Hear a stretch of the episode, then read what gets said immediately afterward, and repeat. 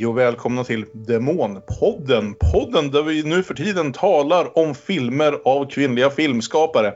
Jag heter Kalle Färm och med mig har jag Björn Waller. Hej! Och Olof Ekström. Hej! Fortfarande ingen Aron, men nästa gång hoppas vi att han ska vara tillbaka med oss och stanna kvar med oss.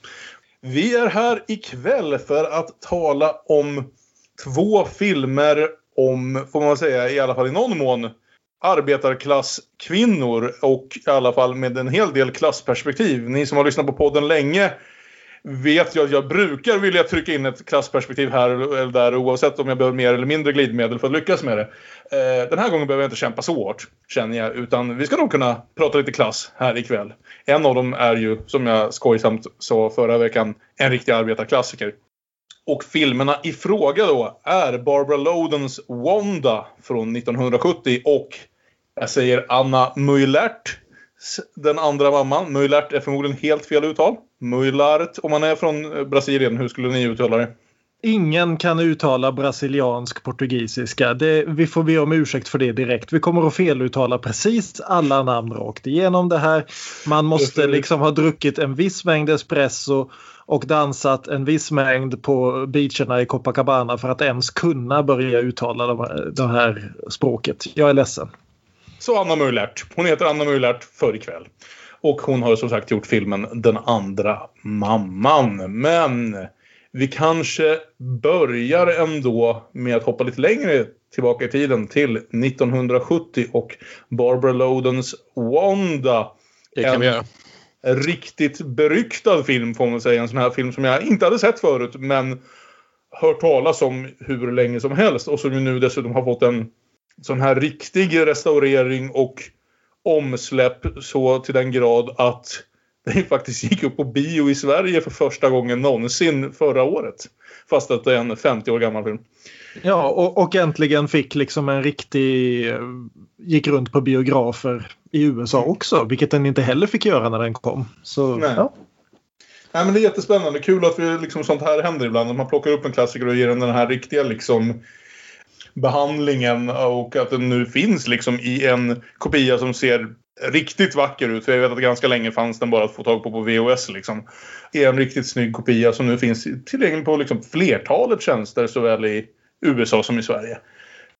Så det var superkul att äntligen komma fram till den. Hur var det med er? Var ni lika obekanta med Barbara Lodens Wanda som jag? Som ju som sagt mest har hört den om den ryktesvägen. Jag hade aldrig sett den förut. Eh, Det är en sån där film man har hört talas om. Liksom talas i... Åh, Wanda, den ska du se! Men ofta av människor som inte själva har sett den då naturligtvis eftersom det inte var så lätt att få tag på. Nej. Men, men det, är ju en, det är ju en sån här liksom eh, berömd indie lågbudgetfilm. Jag hade inte sett den förut, det är korta svaret ja. Nej, Och det var ju exakt samma här. att Jag eh, har hört talas om den en del men eh, Mm. nej, jag hade inte sett den och hade väl också tänkt att eh, den går väl inte att få tag på. Men det, det gör den ju tydligen nu då. Ja, ja det är supertrevligt. Och eh, så här är det ju att vi började ju hela det här projektet med att egentligen sätta oss och göra en stor jäkla masterlist. Dels på liksom vilka noterbara kvinnliga regissörer har fått göra liksom, film genom tiderna och sen i nästa steg vilka av de här filmerna går att få tag på. Och det var ju löjligt lite amerikansk film innan det här som var liksom gjord av kvinnliga regissörer och dessutom liksom välbevarad nog att vi faktiskt kunde hitta den. Den stora liksom avstickaren där är väl Aida Lupino som ju var mer berömd som skådis än som regissör men som ju faktiskt fick göra ett gäng filmer under 50-talet. Vi hoppas hinna se någon av hennes filmer innan den här säsongen är klar. Men det är liksom inte så mycket innan det här så liksom det finns ju två sätt att se på en film som Wanda. Det ena är ju hur den fungerar som film i sig vilket är intressant och som du såklart kommer komma in på. Men det andra är ju just dess rent historiska betydelse där den är ju är liksom massiv. Någonstans. Man ska väl säga när det, när det gäller den amerikanska filmindustrin ändå att det fanns ju förstås en väldigt liten minoritet men det fanns ju några stycken ganska inflytelserika kvinnliga regissörer under stumfilmstiden. Men sen ja. var det ett ganska stort glapp där det periodvis ja, var en eller ingen i hela USA i princip. Mm. Det, det, var så här under 30, 40, 50-talet så nöjde sig Hollywood med en kvinnlig regissör åt gången. Så, de, ja, så här, Dorothy Arzner höll på i ungefär 10 år under 30-talet och 40-talet. Och sen kom Ida Lupino och då behövde de ju ingen fler förrän sen på 60-talet. När det säkert gjordes en del, men jag kan inte komma på någon nu på rak arm som jobbar inom studiosystemet.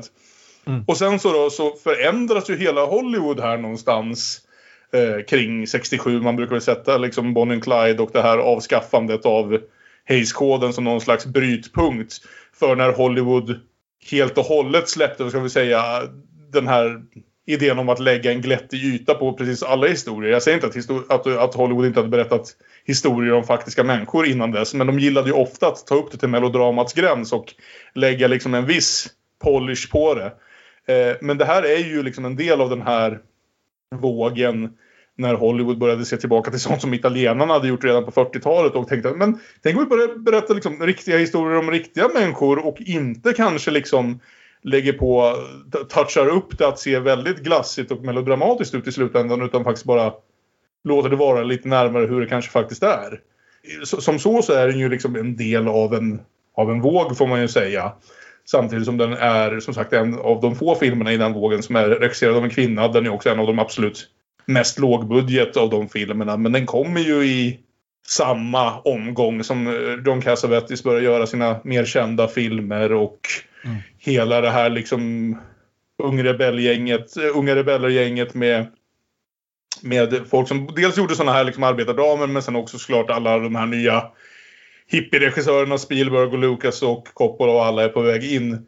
Den kommer året innan liksom en film som, som Five Easy Pieces som ju är... Jag, jag också tänker lite på som någon slags eh, brytpunkt i att Hollywood i alla fall börjar acceptera att det finns en arbetarklass där ute i landet och att de kanske också har historier som behöver berättas. Och också det här att det började komma fram liksom en del liksom distributionsmöjligheter för independentfilm och sånt också. Inte minst i takt med liksom att ja, det luckrades upp på universitet och lite allt möjligt också. Att det fanns en marknad där helt plötsligt också.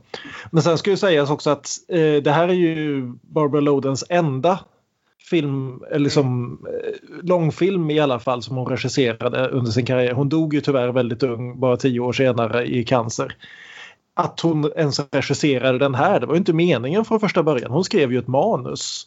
Mm. Men sen kunde hon inte få någon att regissera eller finansiera filmen. Inte ens eh, sin make, make Elia Kazan.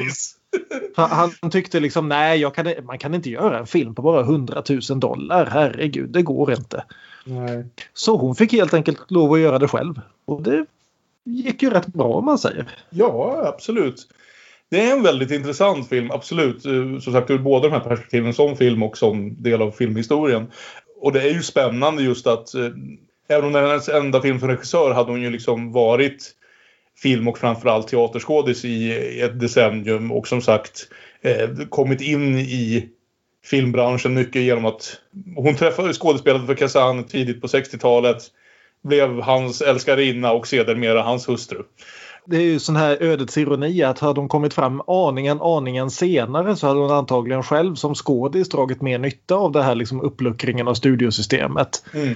Nu råkade hon ju tyvärr komma alldeles innan allt det där luckrades upp och eh, eh om ni vill ha en väl, ett eh, en timmas långt avsnitt bara om Barbara Lodens liv så kan jag verkligen rekommendera podden eh, You Must Remember This som mm. gjorde ett avsnitt om henne för två år sedan ungefär som går igenom hela hennes karriär och alltihopa. Men den korta versionen är i alla fall att hon gjorde ju då eh, huvudrollen i After the Fall som alltså är Millers pjäs om sin ex-maka Marilyn Monroe. Det vill säga hon spelade Marilyn Monroe. Och gjorde det så jävla bra att ingen kunde se henne i något annat. Mm. Och det var lite grann en dödsdom i Hollywood i mitten av 60-talet. Och det var på scen också ska vi säga. Det ja, inte, precis. ja, precis. Hon är ju en intressant figur när hon kommer in här. Liksom, inte helt okänd men ändå liksom utan några möjligheter som sagt att få en, få en ordentlig budget bakom sig. Men ändå är ju det här en riktig film, en lågbudgetfilm visst. Men det märks ju direkt, det jag reagerade på allra först när jag satte igång den här är ju att visst att den är filmad på väldigt grynig 16 mm som vi har himla tur att någon har restaurerat upp så här snyggt. Men den är extremt proffsigt och vackert filmad. Det finns bilder i den här som är ganska otroliga. Eh, samtidigt som de som sagt skippar den här vanliga Hollywood-glassigheten som man kanske var van vid vid det här laget och ja, helt enkelt ser lite verkligare ut. Eh, nu tappar jag namnet på vem, vem, fotografen var men jag vet att han hade jobbat med med D.A. Pennebaker som är en av de mer berömda dokumentärfilmerna från den här eran och någon som var väldigt van vid att behöva hitta snygga och ikoniska bilder även när han kanske inte styrde allt som hände runt omkring. Nicholas Proferes, ja. Så heter han. Och eh, det, det märks väl nästan mest i den här öppningssekvensen där, där vi möter Wanda. Just det, vi brukar berätta lite snabbt vad filmen handlar om, inser jag. Ja. Här eh, Wanda är en ung, snart in i filmen frånskild tvåbarnsmor i en gruvstad någonstans i Pennsylvania. Som inte vet vart de ska ta vägen. Hon har skilt sig, hon vet inte vad hon vill med livet, hon har aldrig tänkt själv på något sätt. Och hon råkar hamna mitt i ett rån och innan hon vet ordet av så är hon på roadtrip med den här ganska misslyckade rånaren. Och de reser genom Pennsylvania och börjar väl ty sig till varandra på, som två väldigt brustna människor gör. Fram tills att han bestämmer sig för att nu ska vi göra den stora stöten här. Och det slutar inte så väl. Och som jag förstår det är allt det här eh, baserat på någon slags verklig bankrånshistoria där, vad heter det, eh, en man och en kvinna försökte genomföra ett bankrån. Han blev ihjälskjuten och hon fick ta hela den straffsmällen. Men mm. eh, det som skilde ut den här historien från andra många liknande historier i USA var att när kvinnan i fråga hade dömts till 20 år i fängelse sa, sa till domaren tack nu har jag i alla fall någonstans att bo. Eh, mm. Vilket jag tror det. Precis. Och ja. Barbara Loden har ju sagt det också att det, det, är väldigt mycket självbiografiskt för hon kommer ju själv från en liten gruvby i Appalacherna. Mm. Och eh, har, sa väl det vid något tillfälle att ja, om, om jag inte hade upptäckt liksom hade råkat komma in vid teatern och allt det där då hade jag stannat kvar i byn. Jag hade gift mig när jag var 17. Jag hade varit trebarnsmamma vid 22. Och jag hade mm. aldrig kommit utanför stadsgränsen. Mm. Så det, är liksom, det här är den Barbara Loden som kunde ha blivit. Tyckte hon själv. Åtminstone mm. delvis mm. naturligtvis. Och hur gammal är hon när hon gjorde den här filmen? Hon är väl, börjar närma sig 40 i alla fall, tror jag. Okay. I det här laget. Hon är 30, äh, mellan 35 och 40 tror jag. Hon är, eh, ja vad blir hon, 37? Mm. Ja. Och, och har varit liksom i, i skådis, aktiv skådis i ungefär 10 år vid det här laget. Alltså vi ska säga så här, börja med att prata om det här som liksom arbetarklassen. För den delen så har ju inte Wanda så väldigt mycket arbete ens i den här filmen. Utan det handlar ju snarare om vad som händer när man liksom redan är arbetarklass och sen dessutom ovanpå det blir arbetslös av en eller annan anledning. Den andra filmen som vi kommer prata om, Den andra mamman, är ju väldigt mycket om liksom arbetsdelen av arbetarklassen. Ja, hon har väl väldigt tydligt varit hemmafru helt enkelt. Att det, ja. det har varit hennes identitet. Med, med, med, en och annan annat försök till arbete som verkar ha gått så här. Men den mm. börjar just med de här fantastiska jävla bilderna som samtidigt är så himla snygga och talande och deprimerande av de här enorma kolbergen. Och sen just de här husen som ligger så när, nära de här enorma kolbergen att det är allt de ser utanför fönstren liksom. Allt de mm. hör är de här lastbilarna som kör kolet från ena stället till nästa. Att man liksom verkligen... Om du, om du bor och jobbar i liksom kolgruvorna i Pennsylvania så är du verkligen där. Du tar inte liksom bussen hem till andra sidan av stan och kommer iväg från skiten en stund. Utan du vaknar, tittar ut genom fönstret och där är de jävla kolbergen. Mm. Och, så, och så har vi det då de som eh, antagligen går utan jobb och inte ens då har jobb i gruvan och sådär som går och letar efter kol på de här spillbergen. Mm. Eh, och, och, allting ser ju fan ut som kol men det är ju antagligen kol blandat med sten och all möjlig skit. När de går och letar förtvivlat och hittar liksom några små kolbitar så de kan gå hem och tända en liten brasa eller något. Mm. Uh, och, och filmen börjar ju, eller ganska tidigt kommer den bilden som jag vet att jag har sett i såna här eh, men dokumentärer och annat som just används som ju är det är direkt märkt att det här är liksom otroligt proffsigt filmat, särskilt för något för, på den här budgeten. När Wanda då släpar sig upp från soffan där hon sover hemma hos någon, eh, jag tror inte det är släkt utan bara förmodligen en kompis. Mm. Eh, och går helt vitklädd genom de här svarta, svarta kolbergen och det är filmat liksom en kilometer bort ifrån. Men man ändå ser henne så tydligt för att hon är den här liksom vita siluetten som bara sticker ut från allt det här. Det finns en tanke och det finns en ren visuell stil i det här som gör att även om det liksom som sagt filmat på 16 mm även restaurerat grynigt men grynigt på ett sätt som jag finner jävligt snyggt. Den, den drar verkligen ett, ett skiljestreck mellan lågbudgetfilm och amatörfilm någonstans. Det må vara en lågbudgetfilm men det är fan ingen amatörfilm bara sättet hon använder ljud direkt här i början. Liksom. Du har det här du börjar med de här bilarna som, och du hör liksom hur ljudet leder in i det här huset och där landar du i huset med skrikande barn och det här kakafonin av ljud.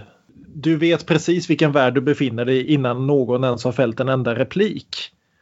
Och det fälls inte många repliker på väldigt, väldigt länge här i början. Det är någon enstaka här och där. Utan det är så väldigt mycket som berättas just med ljudbilden och med de här långa, långa bilderna av som vi sen får här då när eh, Wanda ger sig av från de här kompisarna där hon egentligen inte alls är välkommen men har fått slagga på soffan en natt. Mm.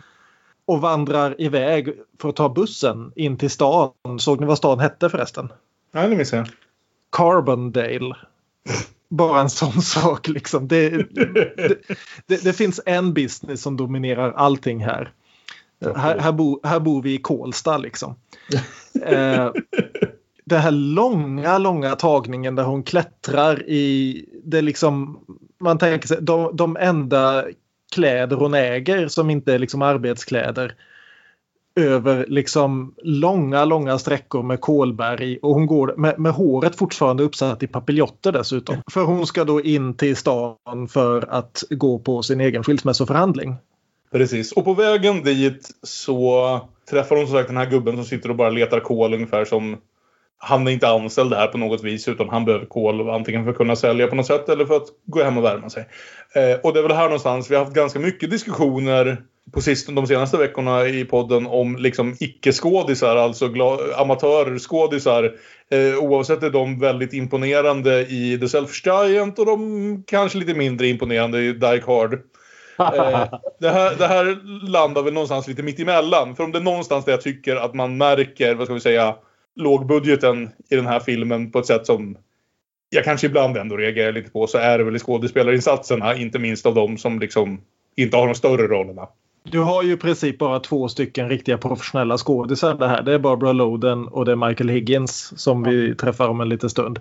Och resten är ju ofta mer eller mindre amatörer. Ja. Ibland rena amatörer, ibland folk som vars skådespelarkarriär inte blev mycket, så mycket mer än den här filmen. Jag gissar att det som har hänt här, för jag kan väl säga att med undantag för de två huvudrollskådisarna så är väl skådespeleriet kanske den bit där det här tydligast liksom bryter illusionen av verklighet och blir... Jag Fast är det så farligt ändå med, med jag håller inte med. Nej. Den här gubben okay. i början till exempel. Han har väl hamnat in i det här för att han... Ja, men du ser ut som en kul gammal gubbe. Du kan få vara med och spela dig själv. Det är mycket möjligt att, att det, det är så. Jag köper nog hans roll rätt bra ändå. Okay. Uh. Ja, och dessutom att det signaleras ju ganska tydligt att han har någon form av funktionshinder. Om det är liksom förvärvt eller medfött, det framgår inte riktigt. Men han är lite, han är lite långsam, han är lite fundersam, han är lite... Och, och jag, jag, tycker det är intressant för det är ju en sån där fråga som man kan ställa sig om Wanda själv också. Vi kommer att liksom se alla val hon gör här. Är hon liksom bara det är frågan liksom om Wanda är någon som i dagsläget hade fått stödundervisning i skolan eller bara en som sket i undervisningen i skolan. Liksom. Ja, det, hon, hon, verkar hela tiden så väldigt naiv, så väldigt långsam med att uppfatta vad situationer är och så vidare.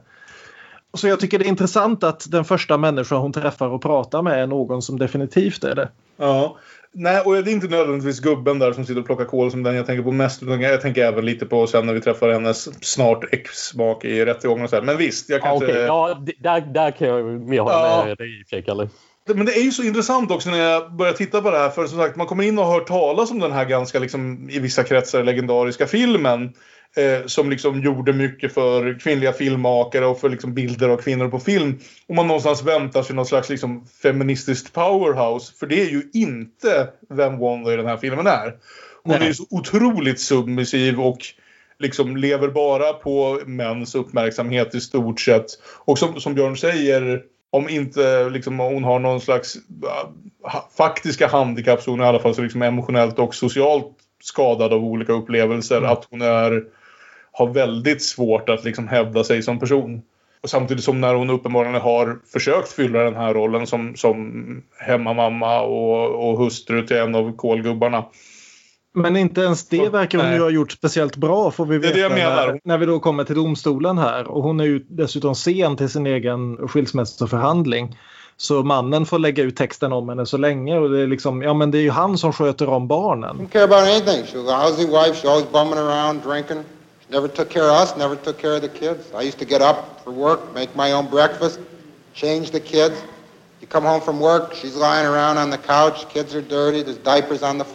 Han måste byta blöjor. Kan ni fatta vilket jobb för en kolgruvarbetare? Ja, inte bara det. Han, han var ju tvungen att fixa frukost själv innan han gick till arbetet också. Ja, precis. Ja, medan hon bara ligger på soffan. Och han, han hävdar också att hon super. Och det är intressant för vi ser henne dricka alkohol en hel del genom filmen men vi ser henne inte supa. Så det är ju frågan exakt hur mycket han läser in i det där. Liksom. Men det, det är ju uppenbart i alla fall att hon verkar inte vara lika liksom apatisk som hon är genom större delen av filmen får vi intrycket att hon har varit ganska länge. Ja. Och, det, och det är ju talande också att när hon väl kommer in i rätt, rättssalen, hon tittar inte ens åt sina barn. Nej, precis. Men det är också lite, det är ju också tragiskt det, om man säger rent juridiska här. Jag tänker mig att hon, hon eh, motsätter sig ju inte alls att skilja sig från sin man. Hon tänker vill han inte ha mig längre så vill väl inte jag vara med, vara med längre heller. Mm. Men, men, jag kan väl tänka mig att det här är på den tiden i USA där man fortfarande inte kunde få i princip en skilsmässa även om båda var överens utan man var tvungen att stå och lägga ut texten om att den ena parten hade brustit väldigt mycket i, i sina förpliktelser så att säga och det är väl det man kan tycka att hon borde kunna komma undan och slippa höra på det genom att hon går med på skilsmässan men det är väl antagligen därför tänkte jag att, att de ändå måste gå igenom allt hon har gjort fel för att de ska kunna få sin skilsmässa. Ja. Det är precis i den här vevan som det börjar bli lagligt i USA att få skilsmässa utan att bevisa att den ena har felet. Ja, okay, ja. Man får väl anta att Carbondale, Pennsylvania kanske inte är den stad som ligger längst fram i landet när det gäller att införa juridiska eh, reformer. Så, så visst, det finns ju en poäng med att han vräker så mycket på henne och att hon inte säger emot det också. Det är liksom hon tar på sig skulden här. Ja, nej men absolut. Hon, hon har inget att sätta emot där. Hon verkar inte vilja sätta sig emot det här. Och det här är ju så intressant tycker jag för att trots att det är en film som no någon mån, särskilt sen när handlingen kommer igång, eller vad man ska säga, när hon träffar herr Dennis om en stund. Så tänkte jag väldigt mycket på så här att det här är en film, eftersom det någonstans ändå blir en film om liksom en roadtrip med en massa liksom brott och annat. Det här är en film som hade kunnat berättas, där den här berättelsen hade kunnat berättas i många andra mer mainstream sätt och där hade hon absolut inte varit huvudkaraktären utan hon hade varit mm. liksom eh, andra biroll och fokus hade legat eh, på andra ställen och därför blir det så intressant att sätta henne i första rummet. Just därför att vi inser hur lite vi brukar veta om just sådana här karaktärer och hur många hål som brukar behöva fyllas i. Just för att även nu här när fokus ligger på Wanda så är hon ju som sagt tystlåten, eh, submissiv, har inte för vana att liksom tala upp och säga vad hon vill. Eller så, här. så hon fortsätter ju vara liksom något av ett mysterium för oss som tittare. Vi liksom spenderar den här filmen med att försöka lista ut vad det är hon vill, varför hon gör det hon gör. Varför hon liksom... Ja. Det är sjukt spännande, det är väldigt ovanligt som sagt, inte minst från den här eran. Och det är just de greppen i liksom kvinnoporträtt som man känner är det som liksom har, har klingat av från den här som har inspirerats allra mest till det som, till det som har kommit senare. Liksom. Ja, och också, men ändå liksom ofta Speciellt idag om du hade, du hade inte skrivit en sån här karaktär idag. Du hade skrivit henne mycket, du hade gett henne mer dimensioner. Du hade gett henne mer liksom försonande drag som Mm. det heter. Därför att vi ska tycka illa om, det har liksom världen piskat in i oss i några tusen år. Vi ska tycka illa om en kv- kvinna som överger sina barn. Mm. Och det här återkommer vi i nästa film också kan vi ju säga. Ja, Men, eh, och jag, jag tycker det är fascinerande att Loden liksom absolut vägrar ge oss några förklaringar. Wanda bara är den hon är. Och det är sånt som vi accepterar för manliga karaktärer. Liksom. Det var det John Wayne byggde hela sin jävla karriär på. Mm. Precis. Wan- Wanda bara står där och är den hon är och utan liksom några specifika förklaringar eller bortförklaringar eller någonting. Men om vi ska komma igång med handlingen lite grann då, för nu har vi lagt en halvtimme på... det, det behövs nästan för en sån här film Mm. som är någon slags liksom monolit för en viss del av filmhistorien. Att man måste nästan gå igenom varför den är det innan. För att sen så är ju liksom berättelsen så som den är är ju ganska liksom liten och simpel om man så vill. Det intressanta är ju i detaljerna. Ja. Eh, ja. Det som händer härnäst är ju att hon går till jobbet hon har haft på en eh, tekofabrik. Eh, hon får inte ut sin lön därför att hon har redan fått lönen. Hon verkade inte riktigt förstå att det dras skatt också. Hon får det är inte jobba. intressant och säger något om Ja. att det här måste vara typ hennes första jobb och att hon förmodligen Ja. bara varit hemmafru innan. För som sagt, Ja, det här om skatt är ett, något slags främmande begrepp för henne. Ja. Och eh, även om skatten verkar vara väldigt hög måste man säga. Men Man får ändå lite känslan av att, de kan, att chefen kan ha lurat henne där. Att, Ja. av att hon är oerfaren i och för sig. Precis. Hon får ihop det med en man över en natt. Han dumpar henne efteråt eh, alldeles utanför en glasskiosk där en kille bjuder henne på den absolut ynkligaste glasstruten i filmhistorien.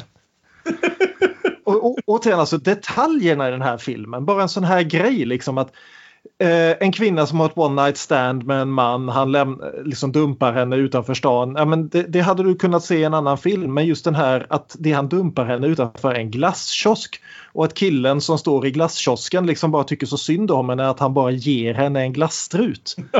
Det, Ja, och också Ja. hur det här one night standet försöker ju så här, dumpa henne flera gånger. Har jag för mig. Ja. Att, att, Ja. att det, det, han, han, han försöker ju redan där vid hotellrummet så bara fan hon kom på mig.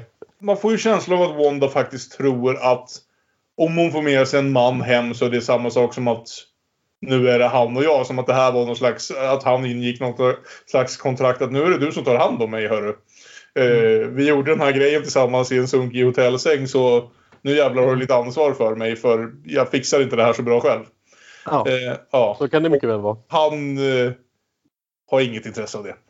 nej. Men det har ju nästa man hon springer ihop med. Herr hon- Dennis. Hon rusar ju in på en bar som hon inte fattar är stängd fast liksom alla gardiner är neddragna och alltihopa för herr Dennis har glömt att låsa dörren. Och han kan inte gärna tacka nej för som vi upptäcker han äger inte baren han håller på att råna baren och, och barägaren ligger bunden och munkavlad på golvet innanför baren. Det är en ganska snygg Så- twist som tar en stund att, att, eh, att, eh, komma på. Man anar ju direkt från början att den här Dennis inte är den han verkar vara. därför Det är att han sant, man fattar inte Han är väldigt nervös och spattig och Ja. liksom vet inte riktigt hur han ska reagera när det kommer in en gäst på hans bar. Hur som helst så han kan inte gärna liksom bara börja skrika och skjuta på henne utan det är liksom när hon slår sig ner vid baren och ber att få låna en, en kam och frågar om han kan bjuda på en öl och så vidare så ja det slutar med att de går, går därifrån tillsammans. Medan den stackars barägaren ligger kvar på golvet. Och apropå de små, små detaljerna och, att Wanda inte fattar någonting så tänkte jag på det att han verkar ju inte veta hur man häller upp en fatöl till exempel Dennis. Han häller ju bara, bara upp en massa skum i glaset. där. Tänkte ni på det? Ja. det? Det tyckte jag var väldigt, väldigt roligt. Men Wanda fattar ju inte det heller. Så att, eh, Nej.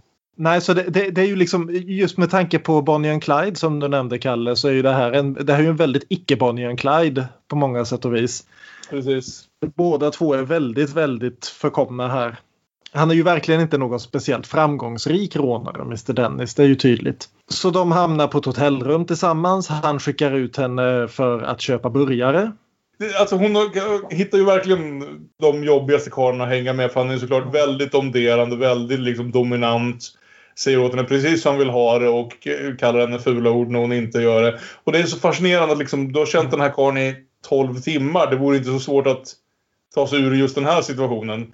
Vem vet, Ja. det kanske finns någon trevligare karl här någonstans i närheten än du vet han som börjar ett förhållande med att be behandla det på det här viset. Bara en sån här scen som att hon, när hon kommer tillbaka och börjar prata om ja men det där stället som du sa skulle vara öppet, det var inte öppet så jag fick fråga någon om något annat ställe som var öppet.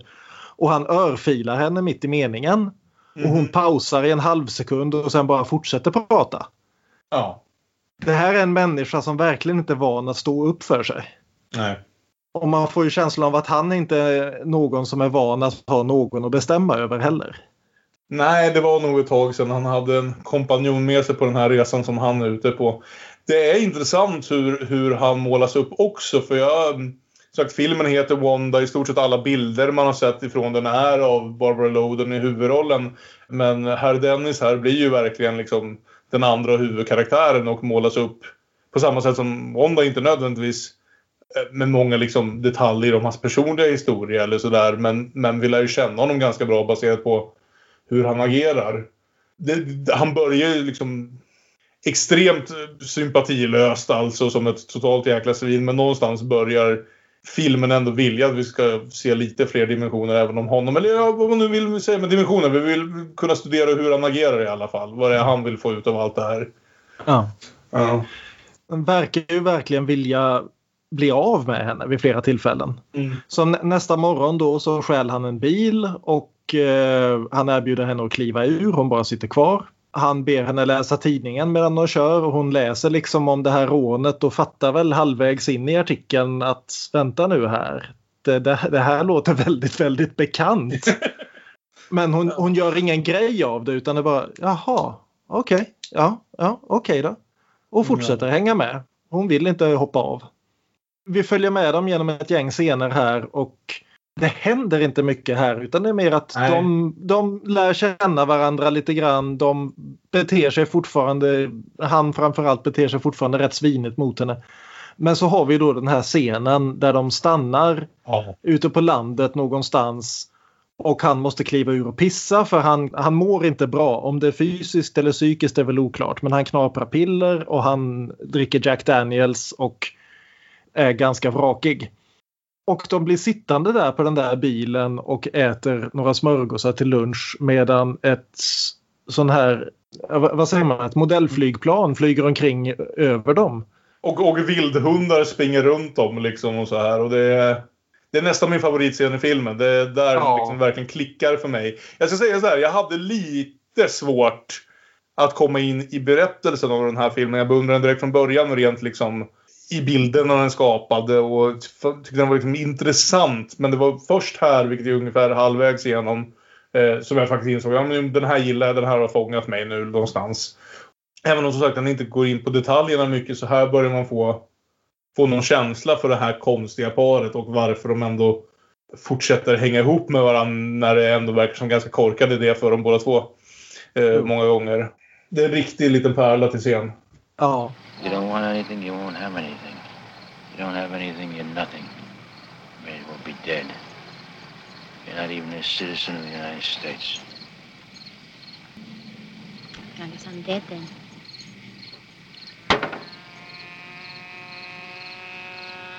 What do you mean? Is that what you want to be? Dead? nej men det är en fantastisk scen. Ja, verkligen. Hur, hur känner du Olof? Hur, vad var din resa med den här? För som sagt, för mig tog den ändå lite tag att, att jag liksom någonstans började synka med den och att, att jag började dras med i vad som faktiskt hände. Just jag tror det är svårt någonstans, kanske på grund av att jag hade lite fel liksom eh, förhoppningar eller att jag trodde det var lite annorlunda film än vad det var. Jag trodde jag skulle komma in och liksom följa någonstans stark klassisk feministisk kvinnokaraktär. Att det, skulle vara, en- ja, att det skulle vara någon mer stark feministisk eh, kamphistoria sådär på något sätt. Lite grann i alla fall i, i hennes historia. eh, Liksom, kanske lite liknande det vi mer har sett på senare år. Men liksom någon som faktiskt kunde tala för sig och göra så här. Så att det tog en stund för mig att liksom helt enkelt synka om från mina förväntningar. Eh, jag vet inte, vad, vad hade du för resa med den? Och, eller för, för den delen, tyckte du om den till slut också? När Barbara Loden har blivit intervjuad av, av filmen så har jag väl fattat som att hon inte heller har ansett sig gjort något feministisk kamphistoria, att inte det var det som hon avsåg. Men jag funderar på om hon inte ändå har gjort det lite grann. Fast klart, det kanske, det kanske är mer en klasshistoria eh, än, än, än, än en ren kvinnokampshistoria möjligen. Det, det, finns ju inte så mycket speglingar mellan eh, arbetarklassen och medel överklass som det gör i den andra filmen. Som vi ska Nej. prata om sen. Utan... Nej, överklassen kommer ju verkligen bara in i kanterna här. Alltså det är väldigt ja. klart att de här är så, så, så lågt ner på klasskalan att de nästan ramlar av, eh, även ramlar ur arbetarklassen och landar någonstans under det. Jag landar nog i att jag tycker att det i och för sig var, var ett bra val för mm. historien. Att, att det här med att ö, medel och överklassen är någonting, det är inte bara ouppnåeligt utan det är också okänt. För Wanda är ju verkligen så himla lost. Hon är missnöjd med livet men hon ser inga andra alternativ vad hon skulle göra istället. Och hon, har, hon har den för, förutbestämda rollen i, i, livet som hon har svårt att förstå och relatera till. Men, men, men precis som inte vi ser alternativen så gör inte hon det heller. Just det tycker jag, där sa du någonting väldigt intressant. För det finns ju en scen i början av filmen när hon precis har fått sparken och så vidare. Där hon vandrar in på en sån här shoppingcentrum. Med dyra klädaffärer och alltihopa. Och hon går omkring och ser helt vilsen ut och sen så kommer hon, hittar hon tillbaka till den fattiga delen av stan med igenslagna butiker och alltihopa. Och där, där ser hon mer hemmahörande ut så att säga. Så det, det, är verkligen det här att drömmen om att bli någonting bättre det är egentligen bara det här the big score. Och det är intressant ja. att hon blir ihop med en rånare här just då. Liksom att det, det är det enda sättet att ta sig framåt egentligen. Det är att göra en enda stor grej. Det finns ingen dröm om vad man ska göra med de där pengarna sen. Utan det är liksom bara, vi har det för jävligt. Vad, vad, behöver vi? Vi behöver pengar. Hur ska vi få pengar? Då måste vi ta. Men inga planer på liksom vad vi gör sen. Även när vi liksom kommer fram och då är vi ju på slutet av filmen så vi är inte riktigt där än. Men när de kommer fram till vad ska mm. säga att det större rånet, eh, även det ja. som... Eh, för hittills har vi mest sett honom liksom begå småbrott som sagt, råna en bar här och sådär. Mm. Det finns väl inget som säger att pengarna de skulle få av liksom en småstadsbank på något sätt skulle vara, vara några Oceans Eleven-mängder. Flytta till, flytta till en egen ö. Eh, eller sådär. Utan det är ju ändå något som man hankar sig fram på ett par månader kanske. Eller sådär i deras fall. Ja. Den enda andra sån här lilla möjligheten att ta sig upp det är ju det här att han bestämmer sig för att ja men ska vi vara ihop ska du åtminstone se ut som jag vill att en kvinna ska se ut.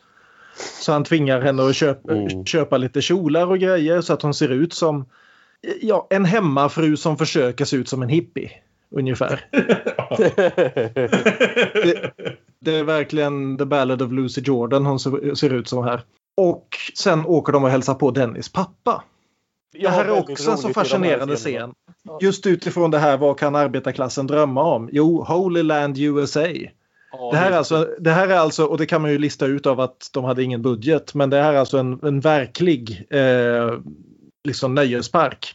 Ja. Som ligger i Connecticut och som öppnade igen för några år sedan efter att ha varit stängd i 30 år. Som är helt enkelt en massa bibelscener uppbyggda med inte speciellt realistiska dockor. Nej, och, för det, det mm, finns ja. ju en del sådana här kristna nöjesparker i USA och jag får ju känsla av att det här är ju en av de mer lågbudgetvarianterna som de har hamnat ja. i. Och som är ju någon slags, ja, det är någon slags dioramautställningar av scener från Bibeln med lite halvtaskigt skådespeleri kanske. Ja, lite teaterscener så som spelas upp för besökarna kanske. För, för ganska, under ganska lång tid här egentligen ända fram till den här scenen med, med när de sitter på bilen med vildhundarna och modellflygplanet. Så är ju herr Dennis bara liksom målas ju upp som bara något negativt för henne egentligen. Där vi nästan måste undra varför hon hänger med på det här. Vad han verkar erbjuda för henne ur hennes perspektiv och så vidare. Så det här blir ju scenen där vi får se den andra sidan av honom. Att han uppenbarligen har liksom en pappa som han faktiskt bryr sig om till den graden att han tänker åka och hälsa på honom. Och om han nu föreställer sig att det han gör är att säga hej då. Antingen därför att ja, oavsett om bankrånet funkar eller inte så, så, så kommer han behöva vara på flykt så att han kanske inte har en chans att se honom igen för gubben ser mm. ganska åldrad och skruttig ut.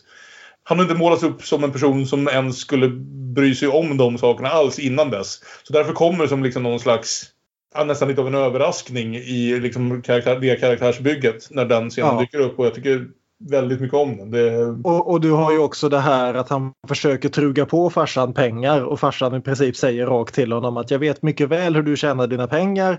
Vi befinner oss på ett ställe som specifikt handlar om hur man kommer till himlen om man är en god människa. Jag vill inte ha dina pengar.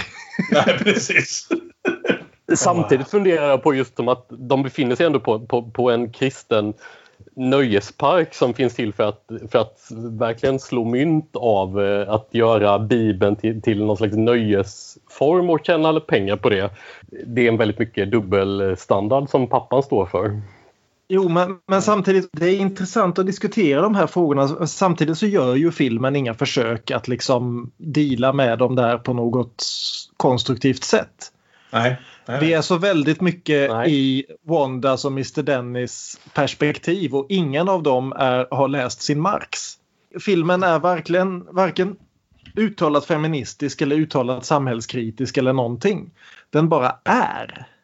Den bara visar vad den ser och i det blir den de sakerna. Det är Ja. liksom nästan, ja. Men, men, Men det betyder inte att man inte försöker... kan göra feministiska eh, tolkningar eller, eller klassperspektivanalyser Nej, nej, på filmen. Det, det, det faller sig ganska naturligt ändå att man, Ja, tänk, man ser det som tittare. Ja, Men karaktärerna gör ju inte det, nej. Det Nej, de. precis. Och jag tycker det är intressant just att Loden liksom verkligen håller tillbaka det där så mycket. Mm. Det, det är egentligen bara möjligen den där repliken om att ja, men är du död så är du inte amerikansk medborgare längre.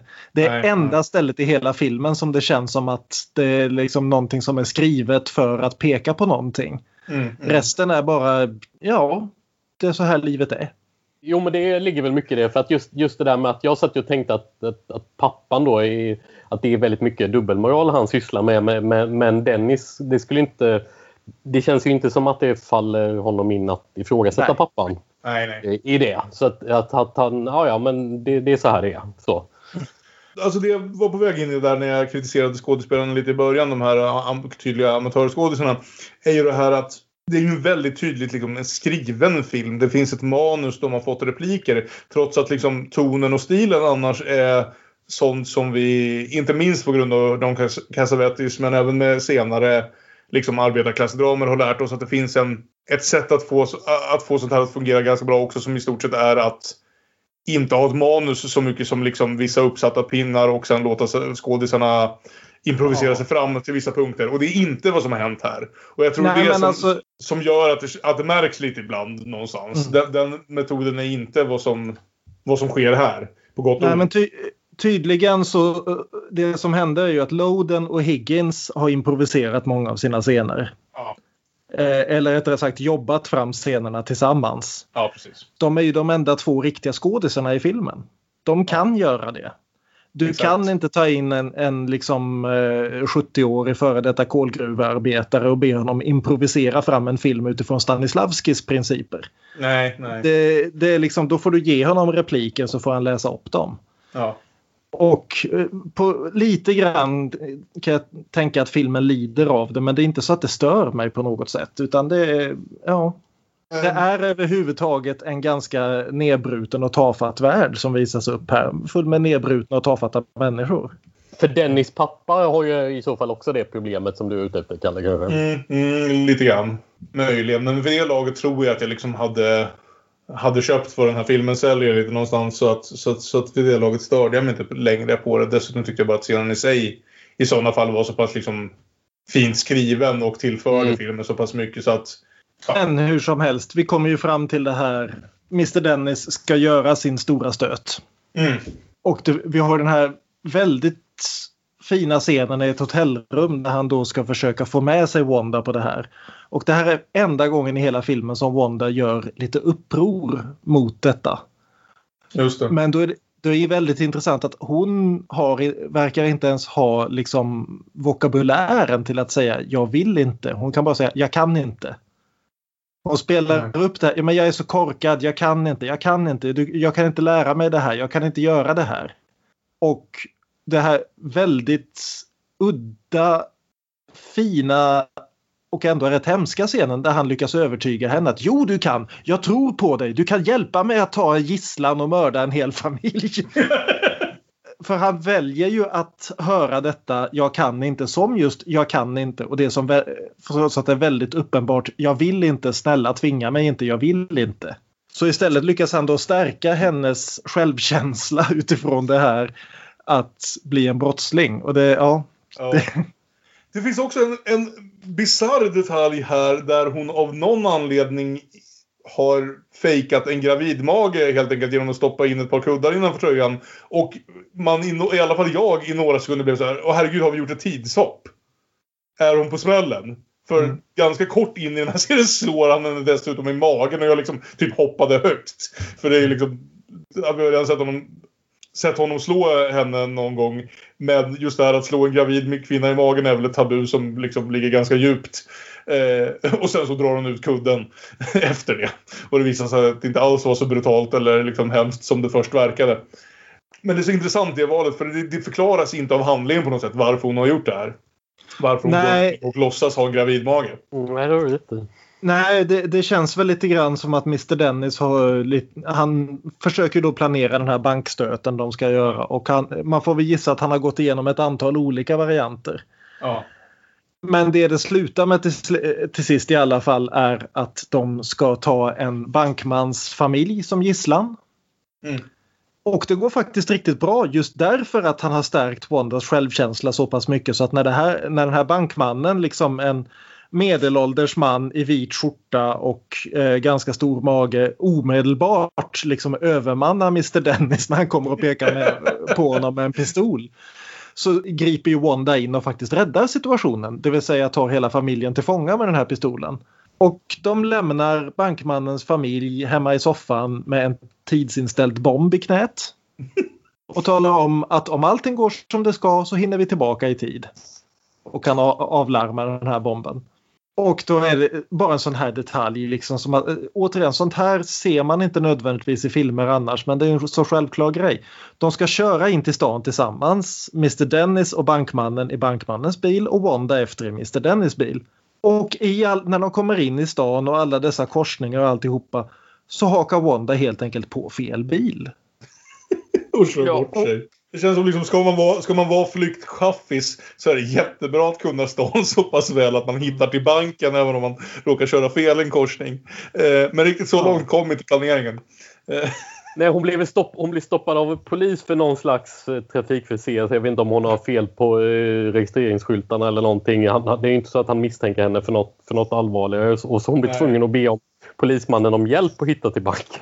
Jag tror hon verkar vara en förvirrad kvinna som förmodligen du vet, körde mot rött eller svängde åt höger. Ja. Det var enkelriktat eller vad som helst. Och jag menar, hon har inga problem att verka som en förvirrad kvinna vid det här laget. Så hon kommer undan ganska lätt. Men vid det laget hittar hon inte till banken. Nej, och det är väl lika så bra för henne för Mr Dennis är ju inte speciellt bra på det här. Och någon trycker på det tysta larmet och när Mr Dennis kommer ut ur, eh, vad heter det, kassarummet kassarummet, kassavalvet heter det. Kassavalvet. Så står det ju uppskattningsvis 43 snutar inne i banken och pekar på honom med pistoler. Jo. Och säger åt honom släpp pistolen och inte fan släpper han pistolen. Nej, det skiter sig för herr Dennis, det får man ju säga. Ja, återigen det här liksom enstaka detaljer. Att Wanda hinner fram precis när allt det här är klart redan och mm. det är väldigt uppenbart vad som har hänt och poliserna börjar, ja allting är klart nu, ni kan gå hem, det är liksom rånaren är död. Och loaden, eller ja, kameramannen då på loadens inrådan håller på loadens ansikte. Och liksom, vi har, Wanda har genom hela filmen varit den här fullständigt blanka jag gör vad som händer, liksom världen händer mig. Ja. Och så plötsligt så ser vi det här hur hon går igenom det här liksom under, jag vet inte hur länge den här scenen håller, 30 sekunder eller någonting. Fram tills att hon fattar, okej, okay, ja, nu var jag ensam igen. Och det, mm. det är inte ens sorg eller eh, raseri eller glädje eller någonting. Det är bara ett jaha. Ja, precis. Ja, här fy fan. Ja. ja. Och det är så, så, så, jävla bra spelat av Loden också. Och här, ja, och här tänker man ju att filmen hade kunnat sluta på något sätt. Men, men, men det är jag väl i och för sig glad att den inte gör. Det hade ju absolut kunnat det, men jag tycker det är någonstans poängen att vad ska hon göra nu då? Vi måste Ja. nästan se det. Och det hon gör är att återgå till precis samma sak som hon gjorde där direkt efter sin liksom, skilsmässa när hon först lämnade kolgruvorna. Bara det att nu är hon lite mindre accepterande av hur de här männen behandlar henne. Hon möter någon... Ja, det kan hon kanske ha förändrat sig lite möjligen men hon, hon Ja. är ändå tillbaka till exakt samma mönster precis som du sa. Sa- Samma mönster, men hon kan inte riktigt med längre. Hon går tillbaka till det hon kan och vet liksom Ja. brukar funka. Nämligen att liksom låta en karl bjuda henne på öl eh, tills han vill ligga med henne och, och sen förlita sig på det för att liksom på något sätt så hoppas att han kommer ta hand om henne. Men, men det, är inte, det var väl aldrig kul, men nu accepterar hon det inte riktigt längre. Så när den här militärsnubben kör ut henne till, inte, in, in, inte kolgruvorna längre, men ut i något slags Ut i sandtaget. Ja, precis. I sin cab. Och eh, vill börja ha lite rajtan tajtan så är hon inte med längre. Utan eh, hon vill bort, vill bort från hela skiten. Och, och vad heter det? Flyr i stort sett från vad väl hon förmodligen upplever var, eh, liksom, eh, ja, vad hon upplever som ett, som ett våldtäktsangrepp. Samtidigt som han ju förmodligen tycker att det här är precis vad hon Alltså han vill hoppas att det är vad hon har velat hela tiden liksom. För att det är ungefär så här det brukar fungera. Hashtag Eh. consent is sexy. Ja. Ja, precis. Så hon springer genom skogen, lite sommaren med Monica här. Hon gråter ut för första gången i hela filmen. Har inte viktigt. sett henne haft någon sån liksom... Hon har ju faktiska känslor, exakt. Hon har ju Ja, riktigt precis. känsloutbrott här på ett sätt som... Hon har hållit allt det här inom som liksom... Vad brukar man kalla det när någon liksom äh, har, har, har en massa trauman i bak och liksom nästan lite svårt därför att uttrycka sina känslor. Är liksom emotionally stunted. Och har ju varit i stort sett genom hela den här filmen trots allt det som har hänt. Men det är här det någonstans brister. Till slut så kommer det ändå till, till en bristningspunkt liksom. Och för henne så är det i den här skogen. Men livet är ju inte så enkelt att man kan gråta ut och gå vidare nödvändigtvis. För hon måste ju ta vägen någonstans. Och det hon tar vägen till, hon hittar Roadhouse som ligger där ute längs vägen någonstans. Blir stående utanför. En annan tjej frågar är, är du okej? Vill du följa med in? Jag bjuder på en öl. Och där sitter Wanda sen omgiven av kolgruvearbetare. Röker, dricker, säger ingenting, stirrar ut i intet. Och där slutar filmen. Ja. ja, och med den här eh, ganska klassisk metod för, för just den här eran och den här typen av kameror med att de eh, freeze frame men också free, freeze frame med att eh, de ökar kontrasten. Något otroligt. För att få bilden att liksom etsa sig fast lite mer. Den här sista bilden av henne. Sittandes där, något som man ju tänker borde vara liksom något man gör för, för, för, för att det ska vara kul. Sitter och dricker öl med massa folk, glad musik spelas. Alla de andra runt omkring verkar ha ganska skoj och hon sitter och ser liksom ut som ett, som ett spöke. Med sin öl i handen. Kommer ni ihåg när man kunde sitta på krogen och dricka och lyssna på livemusik? Ja. Ja, även om inte Wanda direkt får att verka sådär Nej, extremt tilltalande så jo. Nej, precis. Men, men det är väl lite grann... Det är den här klassiska freeze frame grejen att och har hon inte gått därifrån så sitter hon där ännu. Precis. Så hon- har lärt sig en del men hon är fortfarande kvar i ungefär samma läge. Criterion har ju släppt den här som en skiva också och de brukar vara ganska bra på, på extra material så här. Så jag vet att det finns en timmeslång dokumentär som heter I am Wanda och som i stort sett är baserad kring en lång intervju med Barbara Loden Okej. eh, precis innan hon dör. Eh, och den önskar jag att jag hade hunnit se. Men så långt kom jag inte. Men jag tänkte bara tipsa om att den existerar. Eh, för den som vill leta upp den. Och är förmodligen väldigt intressant som, som komplement till den här. Och hade jag planerat min tid bättre hade jag hunnit se den också. Och haft något klokare att säga om Är vi deppade nog eller ska vi säga vad hennes sista ord var? Ta det. Enligt Elia Kazan. Shit. Shit. Shit. Hon fick aldrig göra en film till. Hon fick aldrig spela i någon film till. Nej. Hon eh, jobbade Nej, på med teater och lite annat i tio år till. Sen fick Mm. hon cancer och dog. Ja, fy fan.